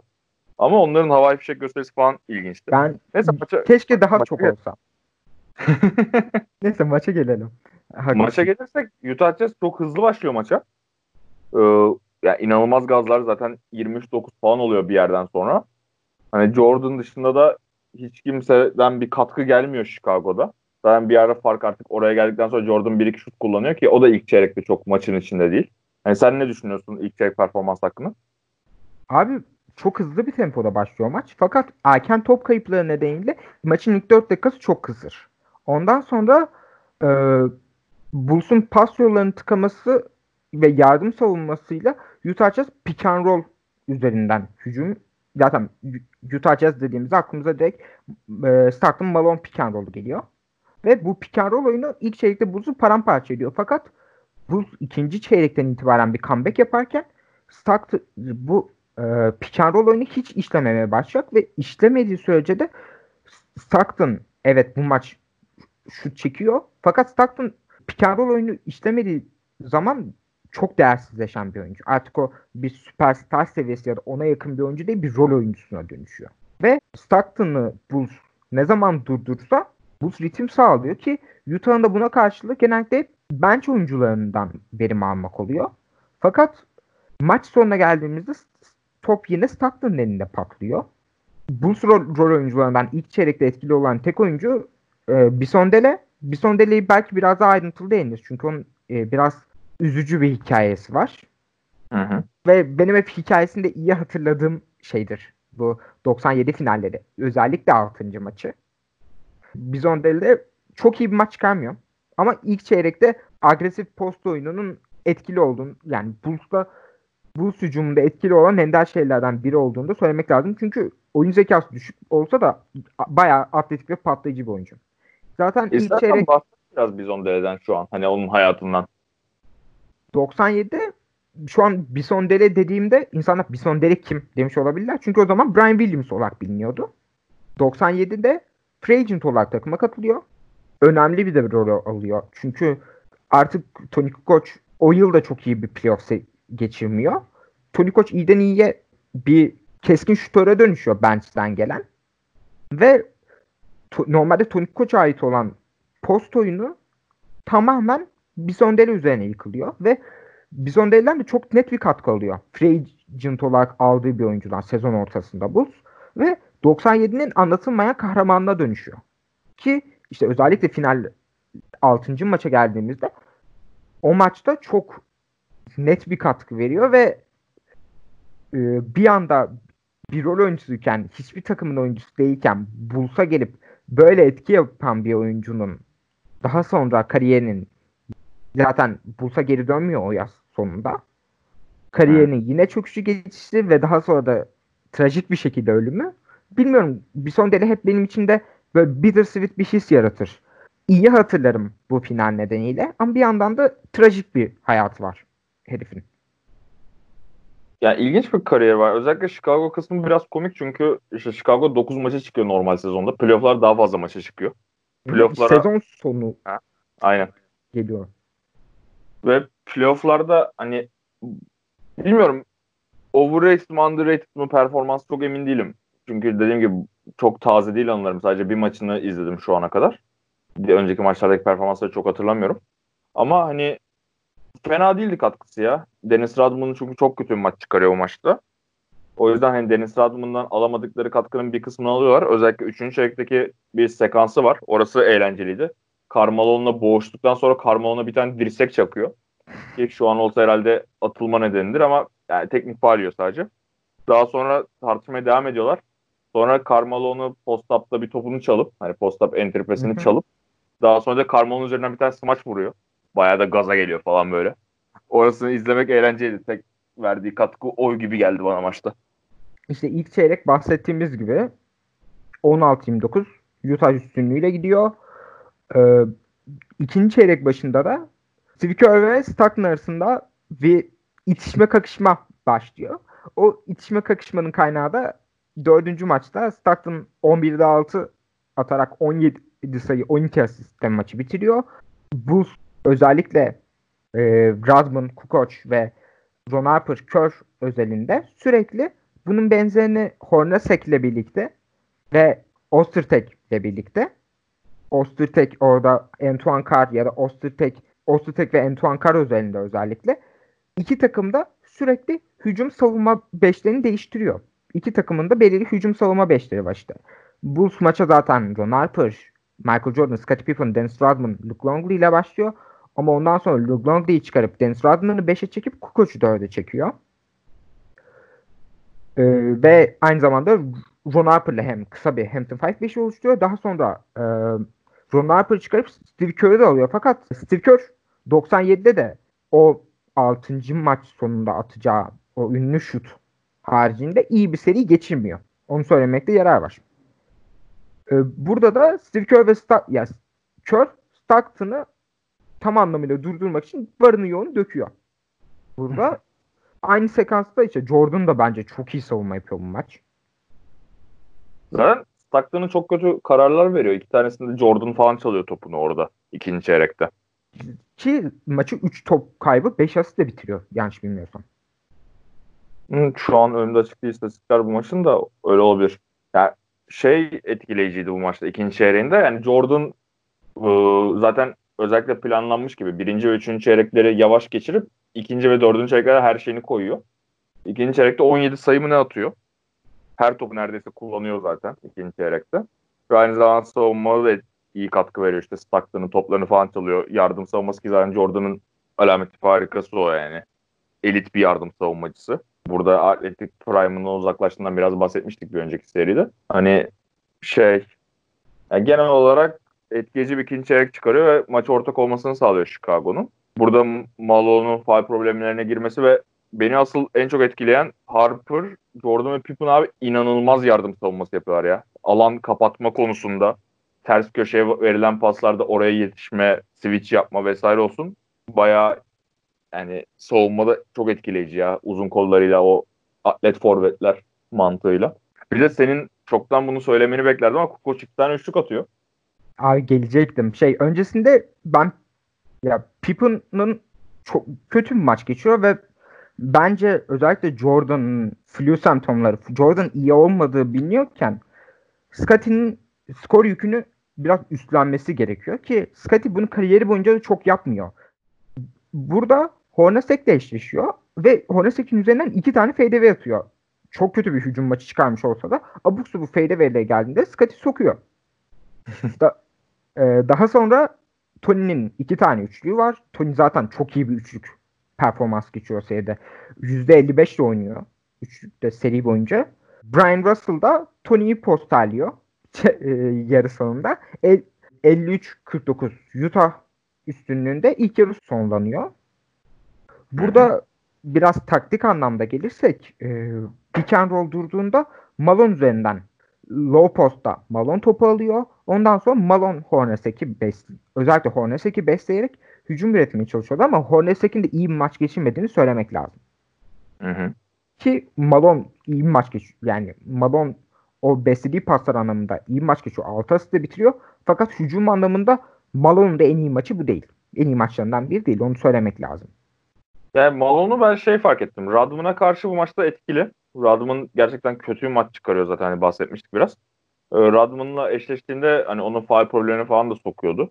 Durduramadı. Orada bayağı etkili oldu ama onun dışında çok etkileyici maç değildi. Biraz da şaşırttı beni. Hani çok fazla Malone şeylerine kaldılar. Posta hücumlarına geçiyorlar. Artık tempoyu yavaşlatmak için midir yoksa pick and roll'da çözemedikleri için midir tam emin değilim ama hani çok fazla Malone postapına kalıyorlar. Oradan sonra da işte zaten hani pas açılarını bulsa da işte dediğim gibi Harper, Jordan ve Pippen o konuda çok elit oyuncular. Pas açılarını kapatmak, yardım getirmek şutörlere vesaire. Pota altına geldiğimizde de Longley gerçekten vücudunu iyi kullanan bir oyuncu. Ve elit bir savunmacı olmasaydı vasat üstü bir savunmacı. Tony özellikle 97 ve 98'de vücudunu nasıl kullanması gerektiğini çok iyi bilen post oynayan oyuncuyla pota arasında çok iyi duran bu yüzden de elit bir ofansif bir bançoya dönüşüyor. Yani elbette hep özellikle Antoine Carr üzerinde 98'e geleceğiz. Utah'ın sürekli Tony'yi avladığını da söylememiz gerekiyor. Sürekli Tony'yi avlamaya çalışıyorlar ama Tony de fena direnmiyor. Özellikle bu maç. Şeye gelirsek, Malone'a geri dönersek, Malone bence asıl sıkıntısı bu maçta kötü jump shot performansı. 2'de 9 jump shot atıyor. Yoksa yani post hücumuna çok eline baktığından bahsetmiştin. Malone postta o kadar da kötü bir maç geçirmiyor. Ama e, özellikle pikten sonra topu 3 çizgisinin hemen önünde yaklaşık 20 fit civarı attığı boş şutları çoğunu kaçırıyor. Hı hı. Ve o şutlarda Utah'ın ritmini iyice bozuyor. Ee, Rodman kötü bir maç geçiyor demiştin abi. Çok haklı. Zaten tek ofansif reboundla bitiriyor. 6 faulle de 4. çeyrek 2 dakika kala oyun dışı kalıyor. Fakat Longley için yaptığı katlar bu maç için de geçerli. İlk maç şeyde bahsetmiştim. Longley altta 7 field golle 12 sayıyla oynuyor. Longley'nin yine iyi bir maçı bu. Hı hı. Ki bundan bir sonraki maçta e, 6. maçta Longley gerçekten sahada dökülüyordu. Longley'nin 3. çeyrekte 3'te 3 ile baş 3'te 3 ile başlıyor. Yani agresif bir Longley ile başlıyor. Önceki maç bahsettiğim maç başı Longley'e benzer bir şekilde Scotty ile birlikte çeyrek başı Bulls'u taşıyorlar. Fakat burada da Brian Russell devreye giriyor. Ee, Brian Russell'ın da bu seride tıpkı Tony Koç gibi çok iyi bir triple spesyalisti olduğunu söylemekte yarar var. Sonra NBC End of an Era grafiği giriyor. İşte Ha, 97 ona yaz sonu. Phil Jackson, Michael Jordan ve Dennis Rodman'ın kontratları bitiyor. Scottie Pippen'ın ise 98'de bitecek. Hı hı. O güzel bir şeydi ya anekdottu orada. Ki zaten şimdi işte tam yine Last Dance muhabbet olacak da hani Last Dance'de de bununla başlıyor ya. Hı hı. O yüzden hani bir anda böyle wow çok iyi o zaman hani tabii ki de konuşulacak şeyler de görünce ayrı bir hoşuma gitti o muhabbetleri. Ona çok girmeyeceğim ama çünkü dediğim gibi Last Dance'in konusu olduğu için ve her yerde konuşulduğu için Last Dance'de bahsedilen konulara çok girmek istemiyorum. Şey de dikkat çekiciydi. Bench her gittiğinde Jordan'ın zaten hani yıkık pozlarını falan görüyoruz ama durmadan enseye buz falan koyuyorlardı rahatlasın işte şey serinlesin vesaire diye. O Jordan'ın o bitik halini görmek bench'te ilginçti. Dördüncü şeye de geçelim istersen. Çok kısa bir 3. çeyrekteki Hı hı. minicik bir pozisyon değinmek istiyorum. Bu maçta Scott'in hücumda ne kadar pasif olduğundan bahsetmiştim. Bunu maç içinde çok iyi özetleyen bir pozisyon olduğunu düşünüyorum. Yarı sahada skor 74-77 Bulls gerideyken Scottie topu yarı sahadan getiriyor. Pası Jordan atıyor. Jordan üzerinde o sırada Pippen tutan Brian Russell çekiyor. Pippen boş kalıyor. İki, İkisi de üçlük çizgisinin hemen gerisinde. İşte sol tarafta Kör var. Orta diyebileceğim kısımda Jordan var. Sağ tarafta da potaya paralel kısımda şey var. Scottie var. Daha Hı. sonra Scottie boş kalıyor. Jordan pası Scottie'ye veriyor. Scottie önü boşken pası Jordan'a geri iade ediyor. Ve Jordan e, Brian Russell aralarında dönüyor. İkisinin arasında. Orada da şey Hornacek katı yani körü terk etmiyor. Körün başını katiyen terk etmiyor ve savunma rotasyonu Jazz'ın bocalıyor. Jordan aldığında da kısa bir şut fake ile e, Brian Russell'ı geçiştiriyor ve ondan sonra üçlüyü gönderiyor. Yani flu game'den bahsediyoruz. Üçüncü çeyreği zaten Jordan domine ediyor. Tek yani one man highlight show. Üçüncü çeyrek tamamen. Buna rağmen hala boş şutu varken Scottie pası geri Jordan'a iade ediyor ve Jordan bir, bir şekilde atıyor. Bunu artık Scottie'nin hücumdaki pasifliğiyle mi değerlendirmek gerekir ki aslında 97'de çok iyi bir seri oynuyor. Yani bu maç onun için biraz karakter dışı bir maç 97 finalleri özelinde. Ya da Jordan mitin ne, yani o mitin aslında ne kadar sağlam bir mit olduğuyla mı değerlendirmeliyiz bilmiyorum. Ama Bu arada bu maç düşünce aklıma hep bu halet geliyor. Üçüncü çeyrekten ama dördüncü çeyrekte olmuyor mu bu sahneye? Çünkü üçüncü çeyrekte iki sayısı var Jordan. Sanırım. Aynen aynen. Dördüncü çeyrek. Çünkü hatırlıyorum o sahneyi. Ya bence Pippen'ın pasifliği değil de savunmaya göre işte Jordan atsın şutu diye Jordan'a veriyor. Jordan sonra işte köşeye pas fake yapıyor ve boş kalıyor. Bir an tereddütte işte bahsettiğiniz zaten savunma tereddütte kalıyor. Çat diye de yapıştırıyordu üçlü. Maçı beraberliğe getiriyor. Ki zaten dördüncü çeyrek Jordan'ın çeyreği yine işte. Bahsetmiştim biraz. Birinci çeyrek ve üçüncü çeyreklerde Jordan hani biraz daha kendini sakınıyor. Enerjisini tek çeyreğe odaklıyor. İşte ikinci çeyrekte 17 sayısı vardı. Dördüncü çeyrekte de 15 sayısı mı ne var? Dördüncü çeyrekte de skor yükünün büyük kısmı sırtlıyor. Şey çok tatlıydı ya. Sen zaten Stockton kör kavgasından, atışmasından biraz bahsetmiştin. Dördüncü çeyrekte kavga çıkıyor. Benim çok hoşuma gitti o kavgaya. Stockton'ın var Stockton diyorum. Steve Kerr'ün agresif kısımlarını görmek eğlenceli geliyor bana her zaman. Ve şey o o kavga bence biraz da 6. maçta o körü atacağı şut öncesinde körü biraz da kızıştıran, onu biraz hazırlayan bir maç bu. Kör iyi bir maç geçiriyor bu maçta. Onu söylemek lazım.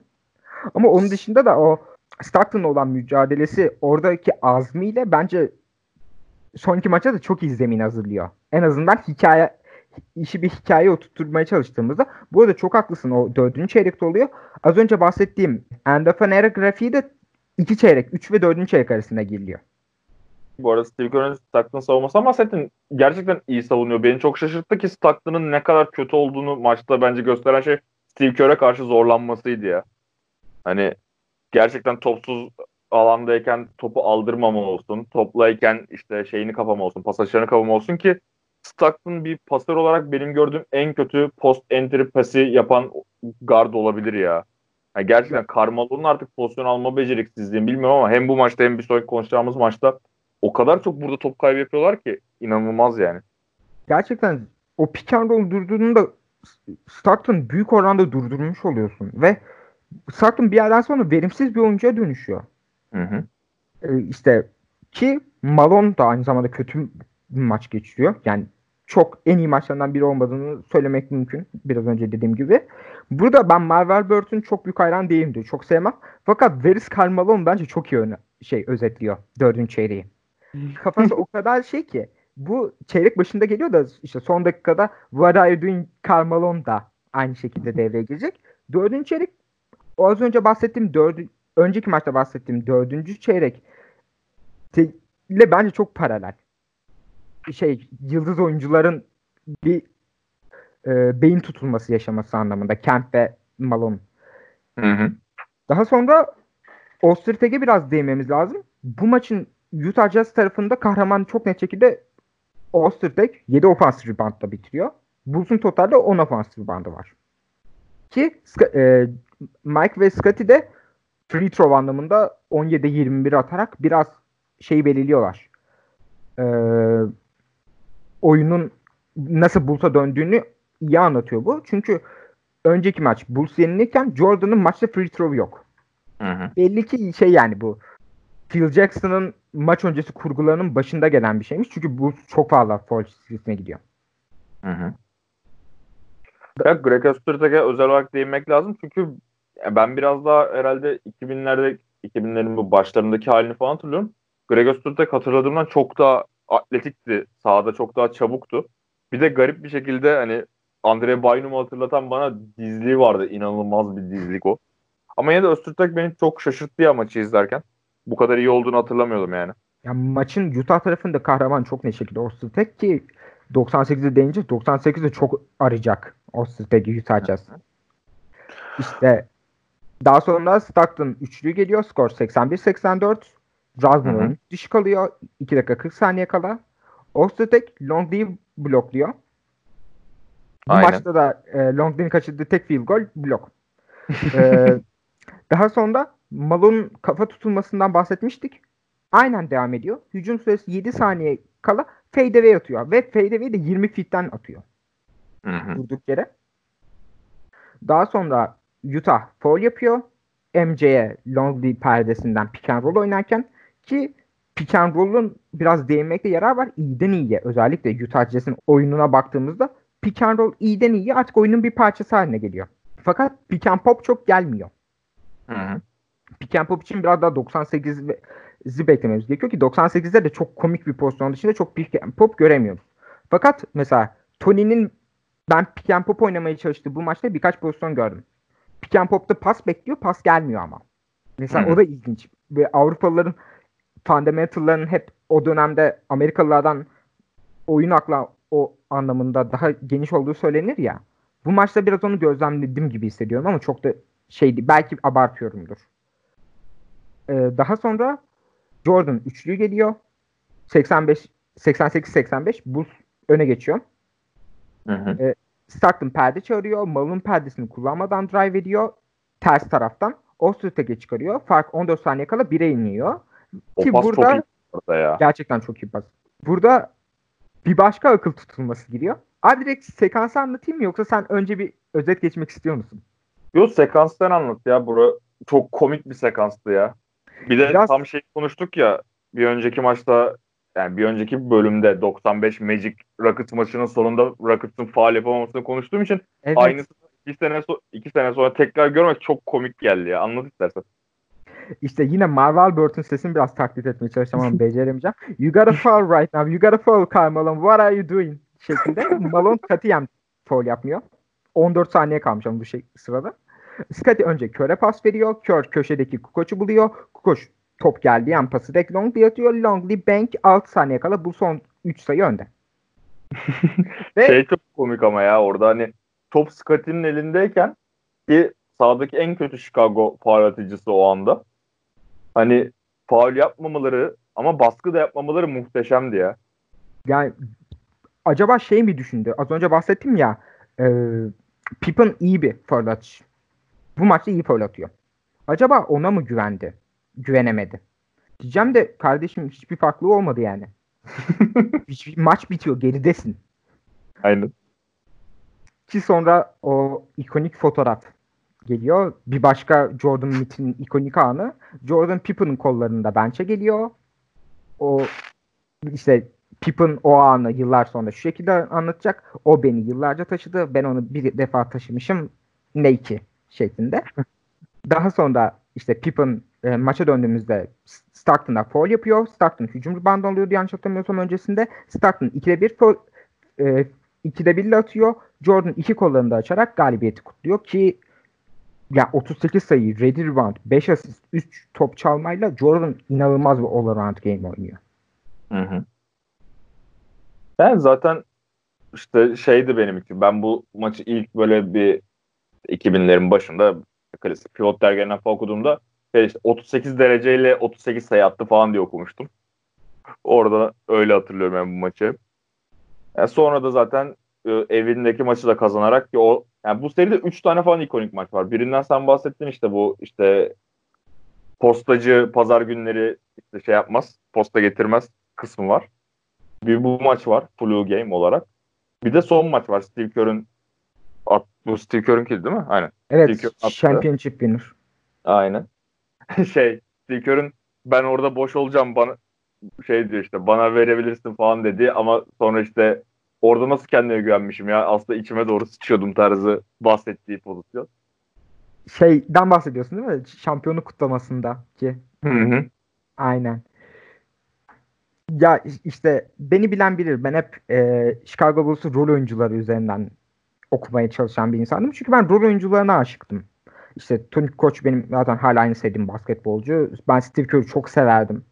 Özellikle de Golden State koçu olduğu dönemde ayrı bir sevmeye başladım. Çünkü Kör'ün hayat şeyinin hayat şeyinin ilerlemesini ben büyük bir zevkle takip ediyorum. Bundan sadece 6-7 yıl önce TNT Bulls maçları anlatıyordu. Hı hı. İşte o rol oyuncuları okuma yapmaya çalıştığım için 97 de benim için o anlamda ayrı değerli bir yıl.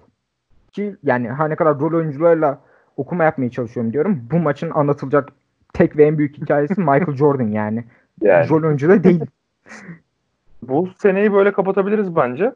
Ee, böylece Chicago back to back yapmış oluyor. Daha sonra artık yani bu podcast dinleyenlerin pek çoğunun da en kötü bilmiyorsa da Last Dance'i izleyerek öğrendiği gibi Bulls'un bir artık kaotik bir sezona girişi var. İşte Phil Jackson'ın kontratı tek yıllık uzatılıyor. İşte Jerry Krause son sezon olacak diyor. Jordan Phil Jackson olmazsa ben olmam diyor. Bu sezon artık son sezon mu? Zaten işte bu 97'deki 5. maçta da end of an era diye paylaşmışlar soru işaretiyle. Hani bu takımın artık bitişimi vesaire şeyleriyle, stresleriyle işte Scottie Pippen'ın kaosu ve vesaire vesaire 98 sezonu bayağı kaotik bir sezon olarak geçiyor. Ki ben 98 sezonun çok da kötü geçirdi diye hatırlıyordum hep hafızamda öyle yerleşmiş ama 62 galibiyet alıyor Chicago bu sezon. Evet ben hep 54 hatırlıyordum.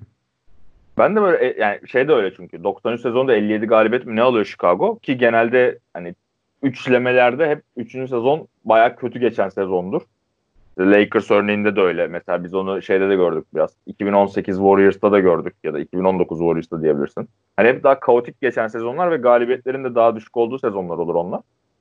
Ama 62 galibiyet çok etkileyici ya. Özellikle Scottie Pippen'ın sezonun yarısını kaçırdığını falan hesaba katarsan. Ve zaten Jordan tekrar MVP oluyor bu sezon. Ya inanılmaz Jordan dominantlığında bir yıl ve orada e, Tony Koç'un da çok iyi bir ilk 30 maç oynadığını söylemekte yarar var. Scottie'nin olmadığı dönem ben bir Sam Smith yazısı okumuştum. Bundan 2-3 yıl önce olması gerekiyor. Şey diyordu yaklaşık Kasım'da yazmış olması lazım yazıyı. Tony All-Star olabilir diye bir yazısı var. Fakat daha sonra Tony ikinci çeyreğine, ikinci yarısına geldiğimizde yılın çok tökezliyor. Fakat Tony'nin en iyi yılı 98. Prime'da 98. Ki zaten playofflarda ve finallerde göreceğiz. Özellikle konferans finalinde Indiana'ya karşı. Scottie'nin dönüşü zaten takımı iyice boostluyor. Çünkü Scottie'nin savunması olmadığında yani Bulls kendisini savunma üzerinden tanımlayan bir takım.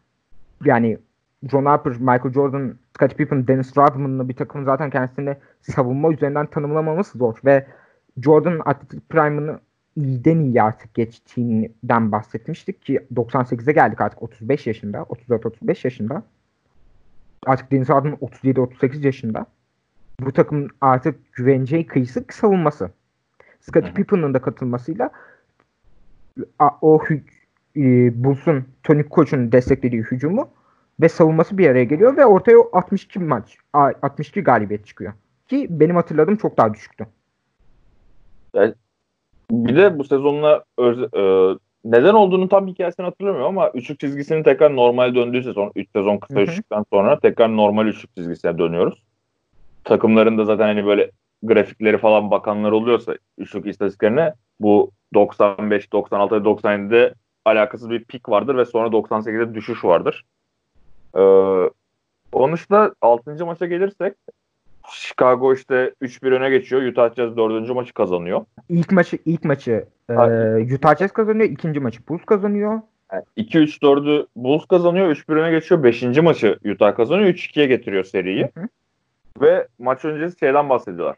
Ee, Lakers dışında, Lakers serisi dışında Chicago'nun hep 6. maçta kazandığını ve 6. maçın onların uğurlu maçı olduğundan falan bahsediyorlar. Daha şey bir de maç ilk defa Doug Collins oluyor değil mi maç anlatımında? Evet. O Ki aynı dikkat. zamanda Bob Costas'ın maç öncesinde bahsettiği önemli bir detay var. Beşinci maçta Jordan ve Pippen hiç şey hiç kendilerine alışkın olmadığımız maçlar oynuyorlar. Ve Hı. Tony 13'te 11 atarak 30 sayı atıyor. Yani çok. Bulls'tan asla beklemeyeceğim bir maç. Karakter olarak. Takımın Jordan karakteri olarak. yüzdesi çok kötü işte. 26'da 9 atıyor o maçta. Pippen de 16'da 2 atıyor. Şey diyorlardı işte. Totalde işte 42'de 11 demeye çalışıyor Isaiah Thomas. Diyemiyor. Bir saat uğraşıyor onu söyleyebilmek için ama şey Tony Kukoc'un 13 şutta onların to- totali kadar isabet bulduğundan falan bahsediyor. Ya ki Gerçekten Tony maçı Kukoc'un en 2 iyi sayıyla kaybediyor. Efendim abi? Tony Kukoc'un en iyi maçı herhalde kariyerinin. Evet işte e, Indiana 7. maçı da sayabiliriz. Şey normal sezon maçlarını geçiyorum artık yani en, net en iyi maçı bence. Ki Bulls maçı 2 sayıyla kaybediyor. E, Jordan MJ game winner'ı ka- kaçırıyor ki o game winner'ı da bilmiyorum izledim mi? Set kime çizildi ben anlamadım. Çünkü bu koş oraya yöneliyor. MJ bir anda koşa koşa yöneliyor. MJ oluyor atıyor. Zaten e, maçın bitmesi 0.3 saniye falan kalmış. 3 İzlemedim mü? onu. 0.5 mi? Ben ilk baktığımda dedim Tony'ye çizdi, MJ yapıp attı. Sonra dedim ki herhalde MJ'yi çizdi. Ama ikisi niye aynı yere geliyor anlamadım. O, o anlamda çok garip bir maç sonu. İşte az kalsın biz o efsane The Last Shot'ı konuşmuyorduk. Az kalsın Tony Koç Bulls'u son maçta şampiyon yaptı. MJ ve Scottie sıçarken diye garip bir anlatı oluşuyordu az kalsın. Çok ilginç. Kaçırmışsın o fırsatı. Ya eminim ben The Shot'ı tercih ederim. Tony'yi ne kadar çok sevsem de ki Tony aynı zamanda 6. maçı da iyi oynuyor. Maç öncesinde bir de şey çok komikti. Pippen'ın sırtına yapılan işte o şeyleri anlatıyorlar. Müdahaleleri. Yani tıbbi terim olarak kullanacakları her terimi kullanıyorlar galiba. Ultrason yapmışlar falan sırtı. Sırta sırta ultrason yapmakla ne yapıyorlar emin değilim. Ama hani sırt problemleri için yapılabilecek her şey yapmışlar ki maçta da zaten bir ara gidiyor tekrar kenara falan. Maçın Yani bayağı- pozisyonda sakatlanıyor. Aynen maçın ilk pozisyonu smaç vurup beli çekiyor ve sonra işte zorlanıp ikinci çeyrekte hiç oynamıyordu galiba. İlk çeyreğin sonuna doğru 3-4 dakika kala oyundan çıkıyor. İkinci yarı dönüyor. İkinci yarıda da hatta üçüncü çeyrek yine çıkıyor. Yine soyunma odasına gidiyor. Dördüncü çeyrek dönüyor. Bu arada süreye baktım 45 dakika oynamış. Hiç fark etmedim 45 dakika oynadığını. Pippen yani sahada ölü gibi dolaştığı için düşünmen daha fazla oynamış maçta. Ee, aynı zamanda Ron Harper'ın içinde işte yine flu-like symptoms muhabbeti geçiyor. Bir de Howard Isley içinde vertigosu olduğundan falan bahsediyorlar. Baya böyle herkesin bir yerleri sıkıntılı. Maçın işte Stockton'ın beli ağrıdığı için yerdeki topu atlamadığını, bel problemi olduğundan falan da bahsediyorlar. İşte Jordan bir yandan sakatlıkları var deniyor.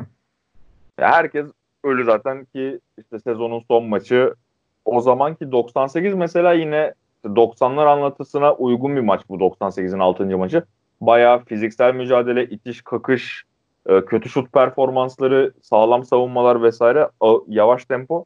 Bayağı 90'lar anlatısının maçı bu da. E, burada şey ilginçti. Maçın başında Malone'u savunamıyor Bulls. Bayağı böyle faal yapıp durdurmak Sürekli zorunda. double'lıyorlar. Hı hı. Yok yani birebir de Malone paramparça ediyor karşısına kim çıkıyorsa. Longley zaten direkt iki faal alıyor vesaire. Rodman kenardan geliyor. Sen Rodman'ın niye kenardan geldiğini biliyor musun? O dönüşümü niye yapıyorlar? Abi şeyden dolayı ya hem Rodman'ın artık 38 37 38 yaşına gelmesini söylemekte yarar var. Tüm yıl boyunca playoff serilerine de bakarsak sürekli e, Phil Jackson Tony'yi mi ilk 5 başlatacağım, Rodman'ı mı ilk 5 başlatacağım diye kararsızlık yaşıyor ve matchup'a göre başlatıyor. Hı hı. Mesela Utah maçına başlatmaması nedeni de foul problemine sokmamak. Normalde işte Rodman'ın en çok maça çıktığı sezon 98. Bir sağlık Hı. sıkıntısı çok yok ama çok yaşlı. Ve artık yani prime'ı falan çoktan bitmiş.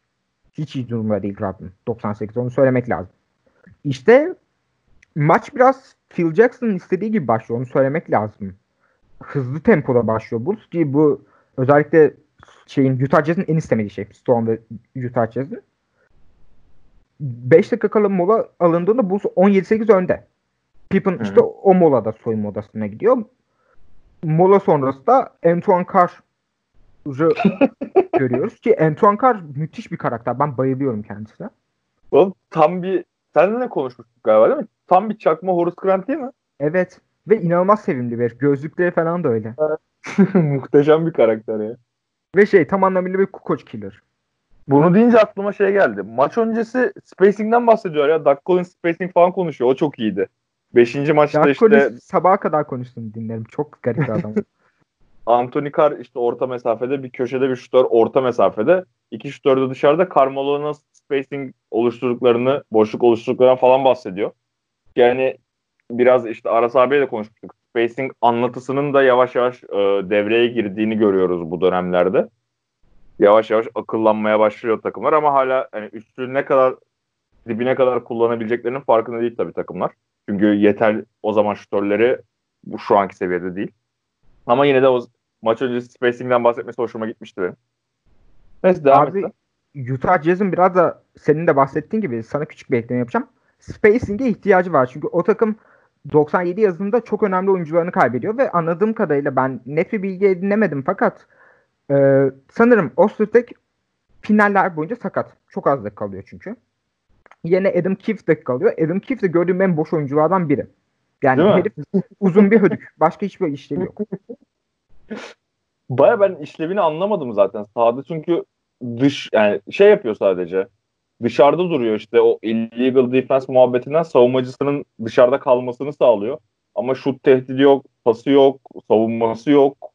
Hani sahada hiçbir şey yapmamak için duruyor. Baya başarılı ki zaten bu maçta 5 dakika sahada kalmış.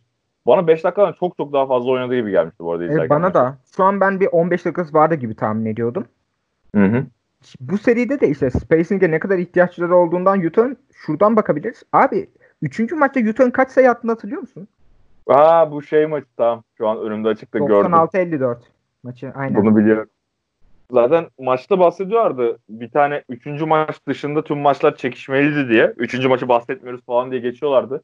Dedim 30'a falan gitmiş herhalde de hatırlamamıştım net o dinlerken. Aynen bu efsane Utah'ın rezalet maçı. Ki işte Utah çok fazla oyuncusunu yani önemli rol oyuncularını free agent'ta kaybediyor. Ee, maça baktığımızda da işte Howard Dash normalde onların önemli bench oyuncularından biri. Özellikle Steve Kerr çok iyi duran bir oyuncu Howard- özellikle 78 98 finalinde. Onun dışında Chris Morris oyuna geliyor. Hiçbir etkisi yok. Adam Keefe'den bahsettik. Brian Russell önceki yıl övdük. Bu maçta hiçbir etkisi yok. Yani Kukoc sürekli şutunu boş bırakıyor. Atamıyor. Normalde önceki sezon %50 50'lerle üçlük atmış bir oyuncu. Hı hı. Yani Shandon Anderson ben maçta hiçbir etkisini hatırlamıyorum. Kendisi hakkında hiçbir not almamışım. Şey vardı işte atletik bir de çaylak sezon bu Shandon Anderson'ın da. Atletik o bir katı vardı basket faal yaptı. Bu arada yanlış maça bakmışım aynen. Adam Keefe 14 dakika oynamış dedim. 15 dakika falan oynamış dedi. Yanlış bak skora bakmışım da şey e, Shandon Anderson yani atletik forvet olarak önünde dursun Jordan diye deniyorlar ama çok da başarılı olduğu söylenemez o konuda. Yani Utah'a baktığımızda Utah'ın 3 tane önemli hücum silahı var. Malone, Hornacek, Anton Carr. Ben şeyi Stockton sayamıyorum bile. Ki bence. Stockton korkunç bir 98 finali oynuyor. Yani. Bulls'u bu kadar aciz yakalamışken Stockton'ın bu kadar etkisiz olması ve 98 finali özelinde de şut çekmemesi ya şut çekmediği anda Stockton ha- iyi bir rol oyuncusu falan da diyemiyorum. Sahada barınmaması gereken bir oyuncuya dönüşüyor. Ya mesela bu maçı bakıyoruz yine 5 asist 3 top kaybı. Ya şey garipti işte Stockton'la ilgili. Değil mi? Yani mesela Carmelo post up'larına yine bu maçta çok yükleniyorlar. Carmelo bu arada bu maçta çok iyi paslar veriyor o posttan. Çok iyi oyun Carmelo kuruyor. mükemmel bir maç oynuyor ya. Hiçbir kusur yok maçta. Ama işte Stockton o post entry paslarında bile zorlanıyor. Ron Harper falan baskı yaptığında. O çok garip. Hem fiziksel olarak dezavantajı var hem skorerliğini şey yapmıyor. Maçın başında maçın ilk anda bir Ron Harper'ın üzerine vurup gidip turnikes dışında böyle wow Stockton ne yaptı dediğim bir an bile olmadı sanırım bu maçta. Ya işte son bir dakika kala bir üçlüğü var. Ondan sonra Rama maçın geri kalan 50 saniyesini sürekli top on- ona geliyor. Sürekli takım onu arıyor. Çünkü son saniye şutu takımın ikinci yıldızı, takımın guard yıldızı. Son saniye şutunu atan adam atamıyor. Yani o kadar çok ön- örneği var ki bunun John Stockton özelinde. Yani evet 97 konferans finalindeki winner'ını herkes hatırlıyor. Ama hiç clutch bir oyuncu değil bence. Carmelo'ndan biraz bahsetmiştik. Bence Carmelo Jordan düellosuna dan bahsedelim. İlk yarıda ikisi de 20'şer atıyor. Hatta Jordan 21 atıyor yanlış hatırlamıyorsam. Yok pardon 23 atıyor. Çünkü senin Bob Costa numarası kadar sayı attı falan demişti. Bu maç Jordan'ı ne yaladı ne yaladı. Uf. Var ya İnanılmazdı ya. Tam Ama yani. Jordan'ın da Bulls'u tek başına ayakta tuttuğunu söylemekte yarar var. Çünkü Scottie yok ikinci çeyrek. Yani Tony ilk çeyrek etkiliydi. ikinci çeyrek o da pek etkili değildi. Heh, Çünkü bu arada el- 45 dakika oynamadı Skype'ın. ha. Doğru maçı açınca 25 dakika oynadığını görebiliyoruz. Çünkü Benim az, ön- az, az önce dedim ya ikinci çeyrek oyuna hiç girmedi. Aynen ben de öyle hatırlıyorum zaten. Bulls bu maçta Kör'ü çok fazla oyunda tutuyor. Kör'ün şutu yok. Ki yani Kör şut atmadığı sürece sahada var olmaması gereken bir oyuncu. Aynen Steve Kerr'ü şutör olarak hani zaten maç başına en fazla 2-3 tane üçlük dener ama hani hiç sahada bu kadar uzun tuttukları maçta hiç Steve Kerr'ü kullanmamaları garip geldi bana ya. Ama garip bir şekilde Stockton iyi savundu çünkü Stockton bok gibi oynadı yine. Şey işte ilk çeyreğe geldiğimizde ilk çeyrek ikinci yarısında e, Pippen çıktıktan sonra Utah'ın 17-5'lik bir serisi var. Bu serinin de ana kahramanları mükemmel Bulls bench'i. Şimdi abi sana bench'i sayıyorum. Kör. Jordan var. Niye? Çünkü biri ş- şut atmak zorunda. Barrel. Dennis Rodman. Bill Wennington. Yani Allah belasını versin böyle beşin. Ben Scott Barrel'ın hiçbir şeyini hatırlamıyorum ya. Ben de Bu hatırlamıyorum. şey- Hiçbir şey yapmıyor çünkü. Last Dance'in de M diyen değil mi? E, Michael Jordan'a. Efendim? Ee, Michael Jordan'a M, M diyen mi bu? Bir tane çaylak varmış falan filan. Bu mu o? Yok değilmiş tamam. Neyse. O değil ya. Salla. Değil ya. Ben tanımıyorum hiçbir şekilde ama maçta da zaten rezaletti yani. Hiçbir etkisi olmadı. Şey işte burada ikinci çeyrek başında Ice-T'yi biraz övmek gerekiyor. Hı hı. Ice aslında maçın çok kritik bir şutunu atıyor. Fakat o şut shot clock'tan verilmiyor. Bu Ama A- ama ama aslında shot clock'tan verilmezken top elinden çıktı bir saniye daha var. evet ve maçın devamında Ron Harper, Ee, Ron Harper tam tersi bir pozisyonda Ron Harper'a veriliyor. Aynen. Yani Ron Harper'ınki olabilir olmayabilir. Onunki çok sınırda ve o zaman daha böyle şeyler yok. 0.1'ler yok orada. Onu göstermiyor direkt. Hani birden sıfıra geçerken böyle garip bir animasyon var. Ama Aizen'inki ya maçı izlerken emin olmadım. Siren mi erken çaldı? Bir şey oldu. Ben elinden çıkmadı sandım ama görüntüye bakınca çok net bir saniye olduğunu görüyorsun. Yorumcular falan da diyor. O zaman işte masaya gidip skoru değiştirme falan da yok herhalde. Yok yok.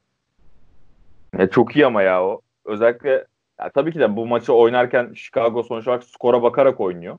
Ve Utah Jazz de skora bakarak oynuyor ama hani bir sayıyla bitmiş bir maçı ve hatta ikonik bir sayıyla bitmiş bir maçın da böyle bir sekans olması çok komik ya. İşte e, Ice aynı zamanda Kör'ü savun yani öyle dövüyor ki ikinci, ikili mücadelede. Muhtemelen Kör'ü şut atacak halde kalmıyor maç boyunca. Mesela neden Ice'yi daha çok oyunda tutmadılar ben anlamıyorum. Stockton'ın sanki dakikasını bu maçta bir 25'e falan indirebilirlermiş gibi geliyor bana.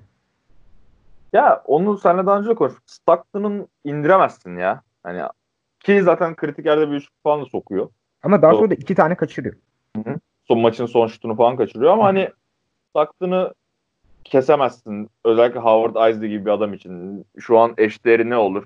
Ve Clay Thompson'ı kenardan gelen kim? Mesela işte Jacob Evans için falan kesmek gibi olur. Bu Jacob Evans takasladı herhalde. bu. Neyse. Ee, maça dönersek ilk yarı dediğim gibi işte Jordan Malone çok güzel bir performans gösteriyor. Direkt düelloya döndürüyorlar maçı. Ben burada bir de şeye yazmıştım. Yine not aldım. Bob Costas Jordan fanboyluk yapıyor işte çok uzun bir sezon işte kariyeri yani kariyerinin belki de en çok süre aldığı sezonu falan diyor işte 34 yaşında 35 yaşında 82 maç oynadı. İşte playofflar playoffları da katarak herhalde saymış. En fazla dakika oynadığı maç sezondu diyor. Ve Skip Bayless'ten bir alıntı yapıyor. İlk defa Skip Bayless'ın bir yerde geçtiğini duydum. E, ve O ben eski- Chicago tribünden çıktığını bilmiyordum. Ha, eski Chicago tribünü değil mi o? Sen söylemiştin Evet. bana daha önce. Muhteşem ya. En nefret ettiğim insanlardan biri sanırım bu Benim NBA de. Şey var bir de onun yancılarından biri var. Ondan da bayağı nefret ediyorum da adamın adı gelmedi aklıma. Stephen A. Smith. Ya gidi ya Stephen A. Smith zaten komedyen. O artık. Stephen A. Ha. Smith seviyorum ben. De. Stephen A. Nick Smith'in Wright çakması. galiba. Nick Wright var bir tane. Onu sevmiyorum. ha Nick Wright de rezalet ya. Evet. İkinci yarıya geçebilir ben çünkü ilk yarının hikayesi bence sadece Jordan ve Malone yani. Aynen. istersen üçüncü çeyreğe geçebiliriz. İşte buraya özellikle not aldım çünkü artık delirdim yani. Stockton kötü bir post entry pasörü falan yazıyorum yine. İşte Malone Rod Rodman boğuşması çok eğlenceliydi. Evet. Şey orada teknik foul çalınıyor ve şey oyun iyice kızışmış. Orada Rodman Malone'un da aklına girebilir miyim de bir deniyor da yok Malone'a işlemiyor. Zaten Malone inanılmaz bir maç oynuyor. İlk yarı e, sadece ilk çeyrek e, 8'de 11 atıyor. İlk yarı da aynı şekilde devam ediyor. Ve benim en çok şaşırdığım şey Bulls neden şut denemiyor abi bu maç? İşte yani özellikle Steve Kerr'ü devreye sokmamaları o konuda garip. Yani bu kadar uzun süre aldığı bir maçta Steve Kerr üzerinden denememeleri garip. Tony tamam. üzerinden neden denemiyor? Mesela Tony sürekli kendisi üretiyor. Kendi drive ediyor. Hı hı. E, bir, bir sene önce aynı matchup'ta Tony e, senin en büyük triple spesyalistinde. Ki bunu mesela daha uzun vadede göreceğiz ama Phil Jackson'ın üçgen hücum yorumlamasında üçlü efektif kullanma yok. Ne kadar üçlü pozisyon aslında çok rahat oluşturabiliyor olsa da takım o setlerden. O tercih etmiyor. Uzun orta mesafeleri falan daha çok kullanıyorlar. Hani hem süper yıldızlar hem rol oyuncuları açısından. Yapacak işte, bir şey yok ya. Dönemin basket deyip geçiyorum orada ben. Üçüncü çeyrekte Radman'a değindin. O aralarındaki Malone aralarındaki iletişimde he knows my name şeyi bayağı bağırıyor. Yani televizyondan ha? çok net duyuluyor. Ya. He knows my name diye bağırıyor ama Malone için mi diyor onu? Evet. Malone onu umursamıyor işte. Zihnine giremiyor. Orada he knows my name diye bağırıyor. İşte bu hücumları ilk defa ben bu kadar pick and roll arda arda denedim. İşlemiyor ama Jordan'la Rodman sürekli pick and roll oynuyor. Hı hı. İşte o işlemeyince Pippen low post'ta sırtı dönük top alıyor. Ve orada da Rodman'ın tipleri devreye giriyor. Her zaman olduğu gibi. E, üçüncü çeyrekte 60-59 Bulls öndeyken 3 dakika kala Pippen soyunma odasına dönüyor. Hı hı. İkinci yarıda ilk yarıyı harika geçiren Hornacek, Jeff Hornacek inanılmaz pasif kalıyor ve Hornacek de pasif kalınca Malone tek kalıyor. Koç oyundan çıkarınca da Antoine Carter da Bulls'u iyi savunuyor. Ki daha sonra Longley'nin savunma dikkatsizliği nedeniyle üst üste 3 kolay sayı buluyor Jazz. Önce Hornacek, sonra Carr, sonra da Kif sayı buluyor. Ki, Bak bu arada bahsetmiştin sen. Pippen'ın kenara gittiğinde onu da özellikle not almıştım. Pippen'ın bir de kenarda da chiropractor'la şey yapmışlar, müdahale etmişler. Adama tıp ve e, şey alternatif tıp alanında her şeyi yapmışlar o maç için. Bir akupunktur falan yapmamışlar galiba. Arkada biri muhtemelen kurşun falan da döküyordur. şey işte maçın başında sen Longlin'in foul probleminden bahsetmiştin. Buradaki savunma Hı. dikkatsizliğinin asıl sebebi 5 foul almamaya çalışması. Ama Aynen. yani hacı alsan da bir şey olmazmış sanki. Yani üst üste 3 tane de yedirseydin keşke. Çünkü 14 dakika oynuyor. 0 sayı 4 foul maç sonunda. Zaten izlediğimiz maçlar arasında Luke Longlin'in tek kötü oynadığı maç bu yani. Evet. İşte yine Howard Darsley devreye giriyor. Ben maç çok övmeyi planlıyorum Howard Darsley'i. Pick and roll sonrası savunmayı inanılmaz okuyor ve çok doğru paslar veriyor. Ki e, box şu an tekrar kontrol edeceğim. E, Howard Darsley'nin doğru yolun bakıyorum. Evet. Howard Darsley 3'e 1 top kaybıyla oynuyor. Yok top kaybı yok. Top Var. kaybı yok. Yanlışlıkla foul'a bakmışım. Yani bence pick and roll sonrası oyunu bunu söylemem ayıp ama Stockton'dan bu maça biraz daha iyi okumuş. O konuda net katılıyorum bu arada. Çünkü Stockton ya Stockton Malone pick and roll'u biz iki maçta çok az gördük. Yani bu kadar ikonik olan bir şeyi nasıl yani bilmiyorum hafızamda öyle kalmış yani benim de. Bu maçları izlerken demek ki düşünmemişim izlerken bunları zamanında böyle lisede falan izlemiştim ben de. Hani yok abi Carmelo'nun Stockton hiç pick and roll oynamıyor neredeyse. Bir iki pick and pop falan oynuyorlar. Carmelo'nun orta mesafeleri falan sokuyor bu maçta. Ama yok yani. Şey yapmıyorlar hiç. Doğru düzgün pick and roll oynamıyorlar. Havertz demişken ondan sonra işte üçüncü çeyrek bitiyor zaten buraya geldiğimizde. 66-61 Utah Jazz önde. Sonra Michael Jordan devreye giriyor. Ki burada da yine Costa Season Michael Jordan'da bir terada başlıyor. Yine övüyor. Durmuyor kral. Of. Nasıl yağlıyor, nasıl ballıyor. Şöyle Şimdi, efsanevi, böyle efsanevi bu kadar yorgun olmasına rağmen sahaya her şeyini veriyor. İşte şeyden bahsediyor. Burada bahsediyor. Bir önceki maçta bahset konu, e, söylemiştim onu. Şey eskisi kadar iyi olmayabilir ama hala işte rakiplerine karşı en iyisi o. Hani eskisi kadar iyi olmasa da hala en iyisi o falan diye böyle öv öv bitiremiyor.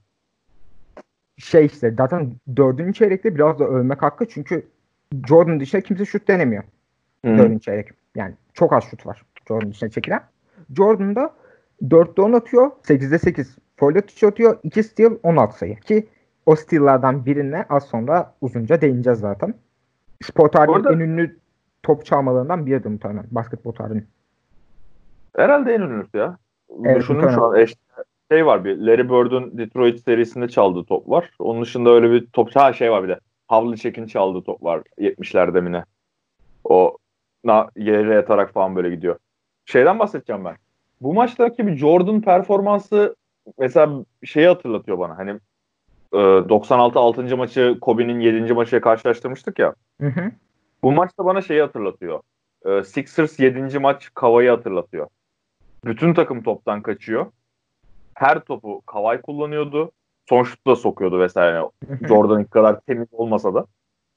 O maçı bana çok hatırlatıyor ya bu maç. Yalnız çok iyi bir benzetme. Gerçekten daha önce aklıma gelmediği için şu an biraz kafamı duvarlara vuruyorum. Ki sonrasında yani e, The Last Dance izleyenler bu son iki bölümde bir şırak muhabbeti biliyorlar zaten.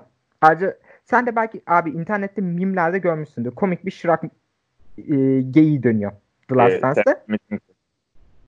Burada asıl şırak dönüyor. Dennis Rodman pick and pop'ta yani na, kral yani. Önünde secdeyle eğiliyorum. Müthiş bir insan gerçekten. Abi maçın en kritik yerlerinde e, bu da mesela şey benziyor. Yine daha günümüze yakın bir zamandan şey yapacağım alıntı. Ron Artest'in o 7. maçtaki şutu gibi. Hani ne yapıyorsun diye baktım. Kaldırıp attı, soktu, dönüp bir de shrug yaptı ya. Tam anlamıyla bir alfa. işte. Ki 3'te 3 oynamış bak. İki tane tipi var bir de bu şutu var bir. 67-68 Jazz önde 10 dakika kala oluyor bu olay. 67-70'e geldiğinde de Pippen Jordan yerine oyuna girecek. Daha sonra Kukoc'un maçı beraber şey yani 70-70'e getirecek üçlüğü var. Burada körün perdesinde atıyor. ben burada biraz Kukoc gömmek istiyorum. Bir dakika bir dakika. Körün perdesinden bahsedebilir miyiz önce? E, tabii abi. Sen güldün. Sen bahsetmek ister misin? Ee, Steve Kerr Tony Kukoc'u çıkarmak için perde yapıyor. Perde yaptığı kişi Carmalon. Carmalon perdeye çarpıyor. Kör yere düşüyor. Dört ayak üzerinde yatarken Carmalon bir de kafasını artık dizme atıyor. Ne yapıyor? Üzerinden geçiyor Kör'ün. Yani hatta üzerinden içinden geçiyor Kör'ün. Kör artık yerde yuvarlanıyor falan. Isaiah Thomas çok iyi perdeydi vesaire. Vücudunu koydu ortaya diye anlatıyor böyle mutlulukla. Abi, muhteşem bir sekans. Allah'tan Tony Kukoc'un attı ben küfrederdim yerde yatarken. Ben de yani ben kör olsam küfrederdim. Ki Kukoc ondan önce sürekli şut atmaktan kaçıyor. Hı hı. Ki 14'te 7 atıyor yani. Kukoc çok iyi bir maç çıkarıyor. Ama şut atmaktan kaçıyor. Ki bu Kukoc'un kariyer problemlerinden biri. Sürekli şut atmaktan kaçıyor. Ondan sonra molada Phil Jackson kendisini güzelinden bir azarlıyor. Ondan sonra oyuna giriyor 3'lü 3 üçlük. Burada e, baktılar körle perde olmaz. Pippen perdelere başlıyor. Aynı zamanda da işte Kukoc'un 5. maçta bahsetmiştik. Malone ma- maç boyunca Kukoc'u savunuyor. Çünkü işte zaten Deniz Rodman'ın hücum tehdidi yok. E, Luke Longley desen oyunda kalamıyor kendisi. Malone'la da Kukoc'u eşliyorlar sürekli ki Kukoc buna rağmen iyi bir maç çıkarıyor. Yani Malone'un ne kadar elit bir savunmacı olduğunu da hatırlatmak lazım. Ama mesela, şey e, günümüzün basketbolunda böyle bir eşleşme olsa bir takım mesela bunu sonuna kadar kullanır. Çünkü Malone Kukoc'u dışarıda savunmayı hiç sevmiyor mesela. Posta yok eder Kukoc'u. Ya mesela Ama, neden Kukoc üçlük denemiyor? İşte. Malone'u yani çekmiyor o, dışarıya. O zamanlar bunu bu kadar kullanma yok işte. Takımın bir zaafını böyle parçalayana kadar kovalama yok o dönemde yani. Ya ki, ki zaten, bundan bir, bundan bir maç önce Phil Jackson aynısıyla Malone'u avladı tüm maç. Hı hı. Yani savunmada havladı tabii. Hücumda Malone onları havladı. Malone'un 5. maçta kaç sayı attığına gelirsek şöyle 30'luk. hatırlatabilirim. 30'luk aynen. Daha sonra e, bu sefer de Ron Harper'ın jumper'ı geliyor. Shot clock jumper'ı. 3 dakika 50 saniye kala. Daha sonra küçük çaplı bir mükemmel Jordan şeyi var. Pasajı var. Üçlük kaçırıyor. Sonra dönüp Hornacek'in pasını çeliyor. Ve Rodman'a pas veriyor. Burada da az önce kısa kahramanımız Steve Kerr'di ya. Burada da kısa kahramanımız Stockton. Rodman'dan hücum foul alıyor. Rodman beşliyor. ha o hücum faali kötü bir hücum faali ya. Yani evet. Ama efor, şimdi eforun hakkını vereyim. İşte burada e, bir başka Bob Costas yalaması geliyor. Even Superman apparently get tired diyor kendisi. ha, kaçırmaya başlıyor Jordan Kaçırmaya bayağı. başlıyor. Carmelo yine üçlük çizgisinin bir adım önünden bu sefer jumperları sokuyor ama. Dış oyunu bu maçta bayağı elit. Hı hı. Stockton bir dakika kala skor 81-83 iken üçlük kaçırıyor. 41 saniye sonra ama sokuyor. Skor 83-86'ya geliyor. Jordan birebir de Brian Russell'ı geçip basketi sokuyor. Jordan ve Brian Russell'ı az sonra yeniden konuşacağız.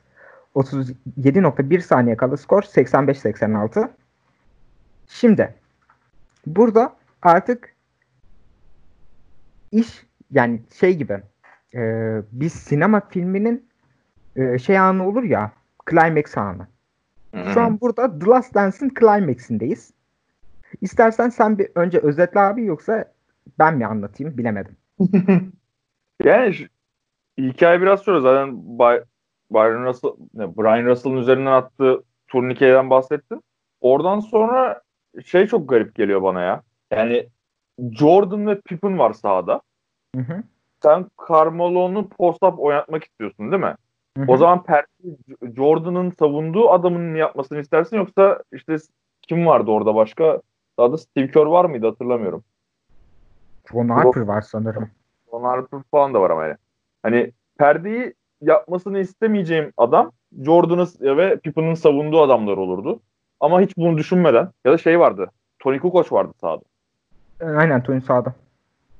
Tony Kukoc'un adamından falan perdeye getirmek çok daha mantıklı mesela orada. Ama hayır. Jeff Hornacek miydi perdeye yapan? Galiba Jordan Hornacek'i savunuyordu o anda. Evet. Ki Evet. son iki maç boyunca övmedik. Pippen çok iyi post savunan bir oyuncu. Yani övdük gerçi de Hı? bir tekrar öv, bir kez daha övmek istiyorum. E, Malone'a karşı Pippen de kötü bir maç geçirmiyor. Ki Pippen'dan bahsettik. Adam acı çekerek, kıvranarak, bayılmaya eşit bir, eşiği kalmışken çeşitli e, tedavilerle çe- çeşitli dediğim tüm tedaviler ve e, Dönemi muhtemelen Evet. kurşunlarla kurşun döktüler çünkü arkada bahsettiğim üzere. Bir şekilde adam hala maçta savunma yapıyor. İlginç. Ve 22 saniye kala Pippen'la eşleşen Malone'dan top, e, Jordan topu çalıyor. Tarih şu şekilde yazılıyor. Malone is double day sweat out of him and steal it. Here comes Chicago. 17 second from shot clock. 17 second from game 7 from championship number 6 Jordan. Open. Chicago with the lead. Bu arada ben burayı kesebilirim çünkü zaten bununla bitireceğim. Aynen buraya beni kes Bob Costas koy. Ee, bu arada evet Brian Russell'ı itiyor bu bir gerçek. Bunu reddediyoruz. Abi onu soracaktım bak. Sen ittiğini mi düşünüyorsun? Evet. Ben ittiğini düşünmüyorum mesela. Yani o el hareketi o elin kalçada olması okey. Ama ben o açıdan o hareketle adamı itip yere düşürebilecek bir momentum oluşturduğunu düşünmüyorum o hareketten. Hani daha çok Jordan'ın kendi dengesini sağlama hareketi olduğunu düşünüyorum. Ve onu mesela ilk gördüğümde hiçbir zaman Jordan Russell nasıl itmiş diye düşünmemiştim. Ta ki böyle işte internet forumlarına falan girip de orada Jordan aslında Russell'ı itti, bu push off'tu falanları görene kadar hiç böyle bir şey düşünüldüğünü bile bilmiyordum. Ben de bu arada ona benzer şekilde daha sonra sosyal medya gazıyla öğrendim. O yüzden yani benim de ilk gördüğümde düşünmemiştim. O yüzden haklı olabilirsin. Şey de komik. Bir de mesela NBA TV'de paylaşılan bir şey olduğu için bir sahne olduğu için klasik. Reggie Miller'ın Jordan'ı birebir iterek, fırlatarak önünden koşup alıp üçlük atması vesaire hep paylaşılan bir şey ya. O şey değil mi? 6. maç. Ee, 98 6. hı hı. O yüzden hani hele onunla falan karşılaştırınca zaten faul değil. Ama bilmiyorum bana hiçbir zaman o şutu izlediğimde Jordan eliyle Russell'ı kalçasından iterek yere fırlatmış ve kurtulmuş. Bu yüzden hücum faul olarak düşünmemiştim yani. İşte daha sonra mola sonrası Malone'un pikinden çıkamayan Stockton Harper üzerinden kendisinden beklediğim üzere üçlüyü kaçırıyor ve second repeat. Beklediğimden daha iyi bir şut bu arada bu. Harper orada blokluyor mu temas ediyor mu bilmiyorum ama potaya yani beklemen çok çok daha iyi gidiyor. Bu arada abi Özel- sence Malone'un şeyi piki doğru mu? Bence doğru değil. Bence o kötü pik. dikkat etmedim. Ben Yani- o hücumu Malone'u oynatacaklar diye düşünmüştüm. Stockton oynamasına şaşırdım da. Yani ben olsam Malone zaten bir sayı geridesin. Malone orta mesafe denesini tercih edebilirdim Stockton'ın perdeden çıkıp şut atmasını yerine. Ee, Ben çılgınlık yapıp Antoine Karada verebilirdim topu. Toptan oynasın yani. Çünkü koçla eşleşiyor. aa, çok iyi adam ya. Baya çakma Horace Grant ya. Ya ge- günümüz NBA'sinin bir Antoine Kara ihtiyacı var. Şu an düşünüyorum şu an gözlüklü hiçbir oyuncu yok mu? Yok ve ihtiyacımız sonsuz. Gözlükle oynayın.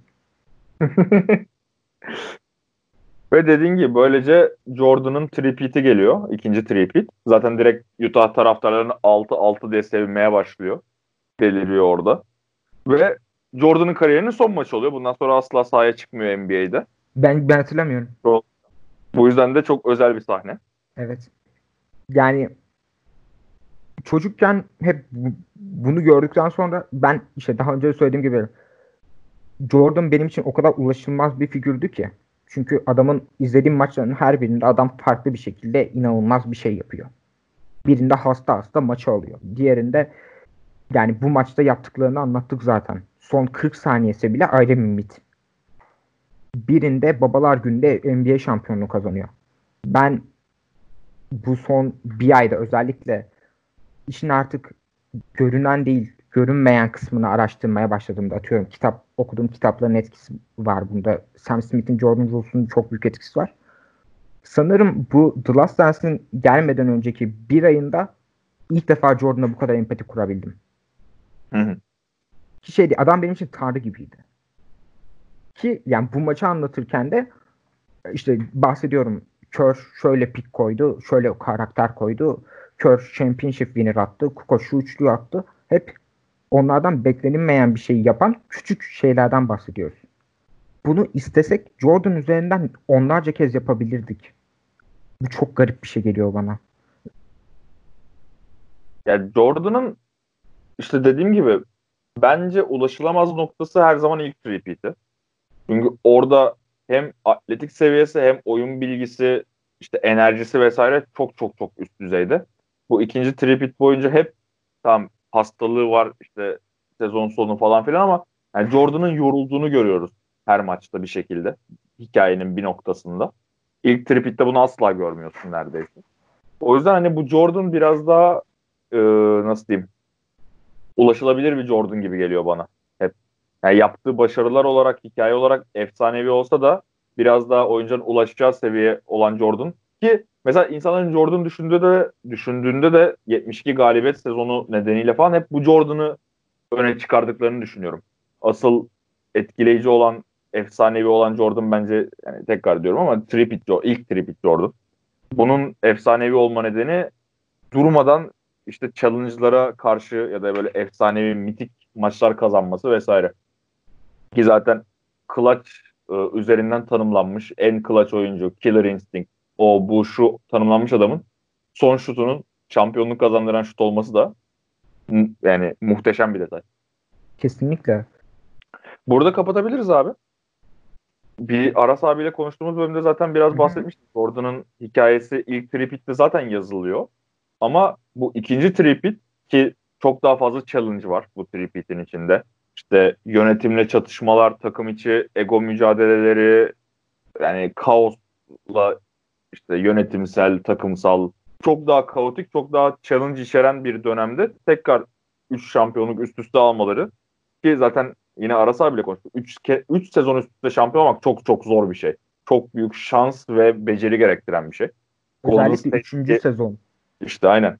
Golden State bile beceremedi ki tarihin en iyi takımı yani sakatlıklar var tabii ki de ama sakatlıklar da bir şans faktörü sonuçta. Hani her şeyin mükemmel denk gelmesi gerekiyor. İşte bunu beceren iki takım var zaten. Yani son dönemde. Biri de ileride konuşacağım evet. Lakers olacak. Ki hepsinin ortak noktası burada Phil Jackson ki Phil Jackson da şu an iyice underrated bir koça dönüştü benim gözümde. Çünkü bu yöneticilik New York'taki yöneticilik döneminden sonra sanki Phil Jackson'ın koçluk performansı da yöneticilik performansının bir parçasıymış gibi davranılmaya başlandı. Gerçekten yaptığı şey akıl almaz. Ne kadar işte Shaq vardı, Kobe vardı, Jordan vardı desen de yine de inanılmaz. Ve işte özellikle işin taktik yanında tüm krediyi her zaman Tex'e veriliyor. Evet Tex aslan payını hak eden kişi olabilir ki benim Tex'e saygım sonsuzdur Tex Winter'a. Yani benim hayatımda okuduğum en ilham verici karakterlerden biri. Fakat Phil Jackson'ın da maç içi koçluğunun underrated edilmemesi gerekiyor. İşte bu seride bahsettik.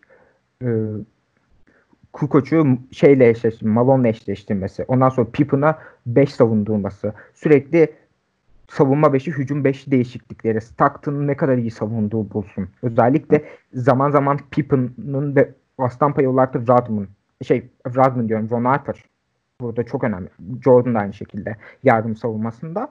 İşte ilk tripite döndüğümüzde daha önce hiç o sahnede denenmeyen bazı setleri final maçında denemesi. Yani Phil Jackson'ın da ne kadar elit bir koç olduğu yani bu adam sadece insanların kulağına fısıldayan insan değil. Bu adam aynı zamanda elit bir koç. Böylece kapatalım dediğim gibi. E, sizi Last Dance'in umarım sonu olacak sahneyle baş başa bırakacağım. Görüşmek üzere, hoşçakalın. Hoşçakalın. 17 seconds. 17 seconds from game 7 or from championship number 6. Jordan open. Chicago with the lead. Timeout Utah. 5.2 seconds left. Michael Jordan running on fumes with 45 points. That may have been, who knows what will unfold in the next several months, but that may have been the last shot Michael Jordan will ever take in the NBA.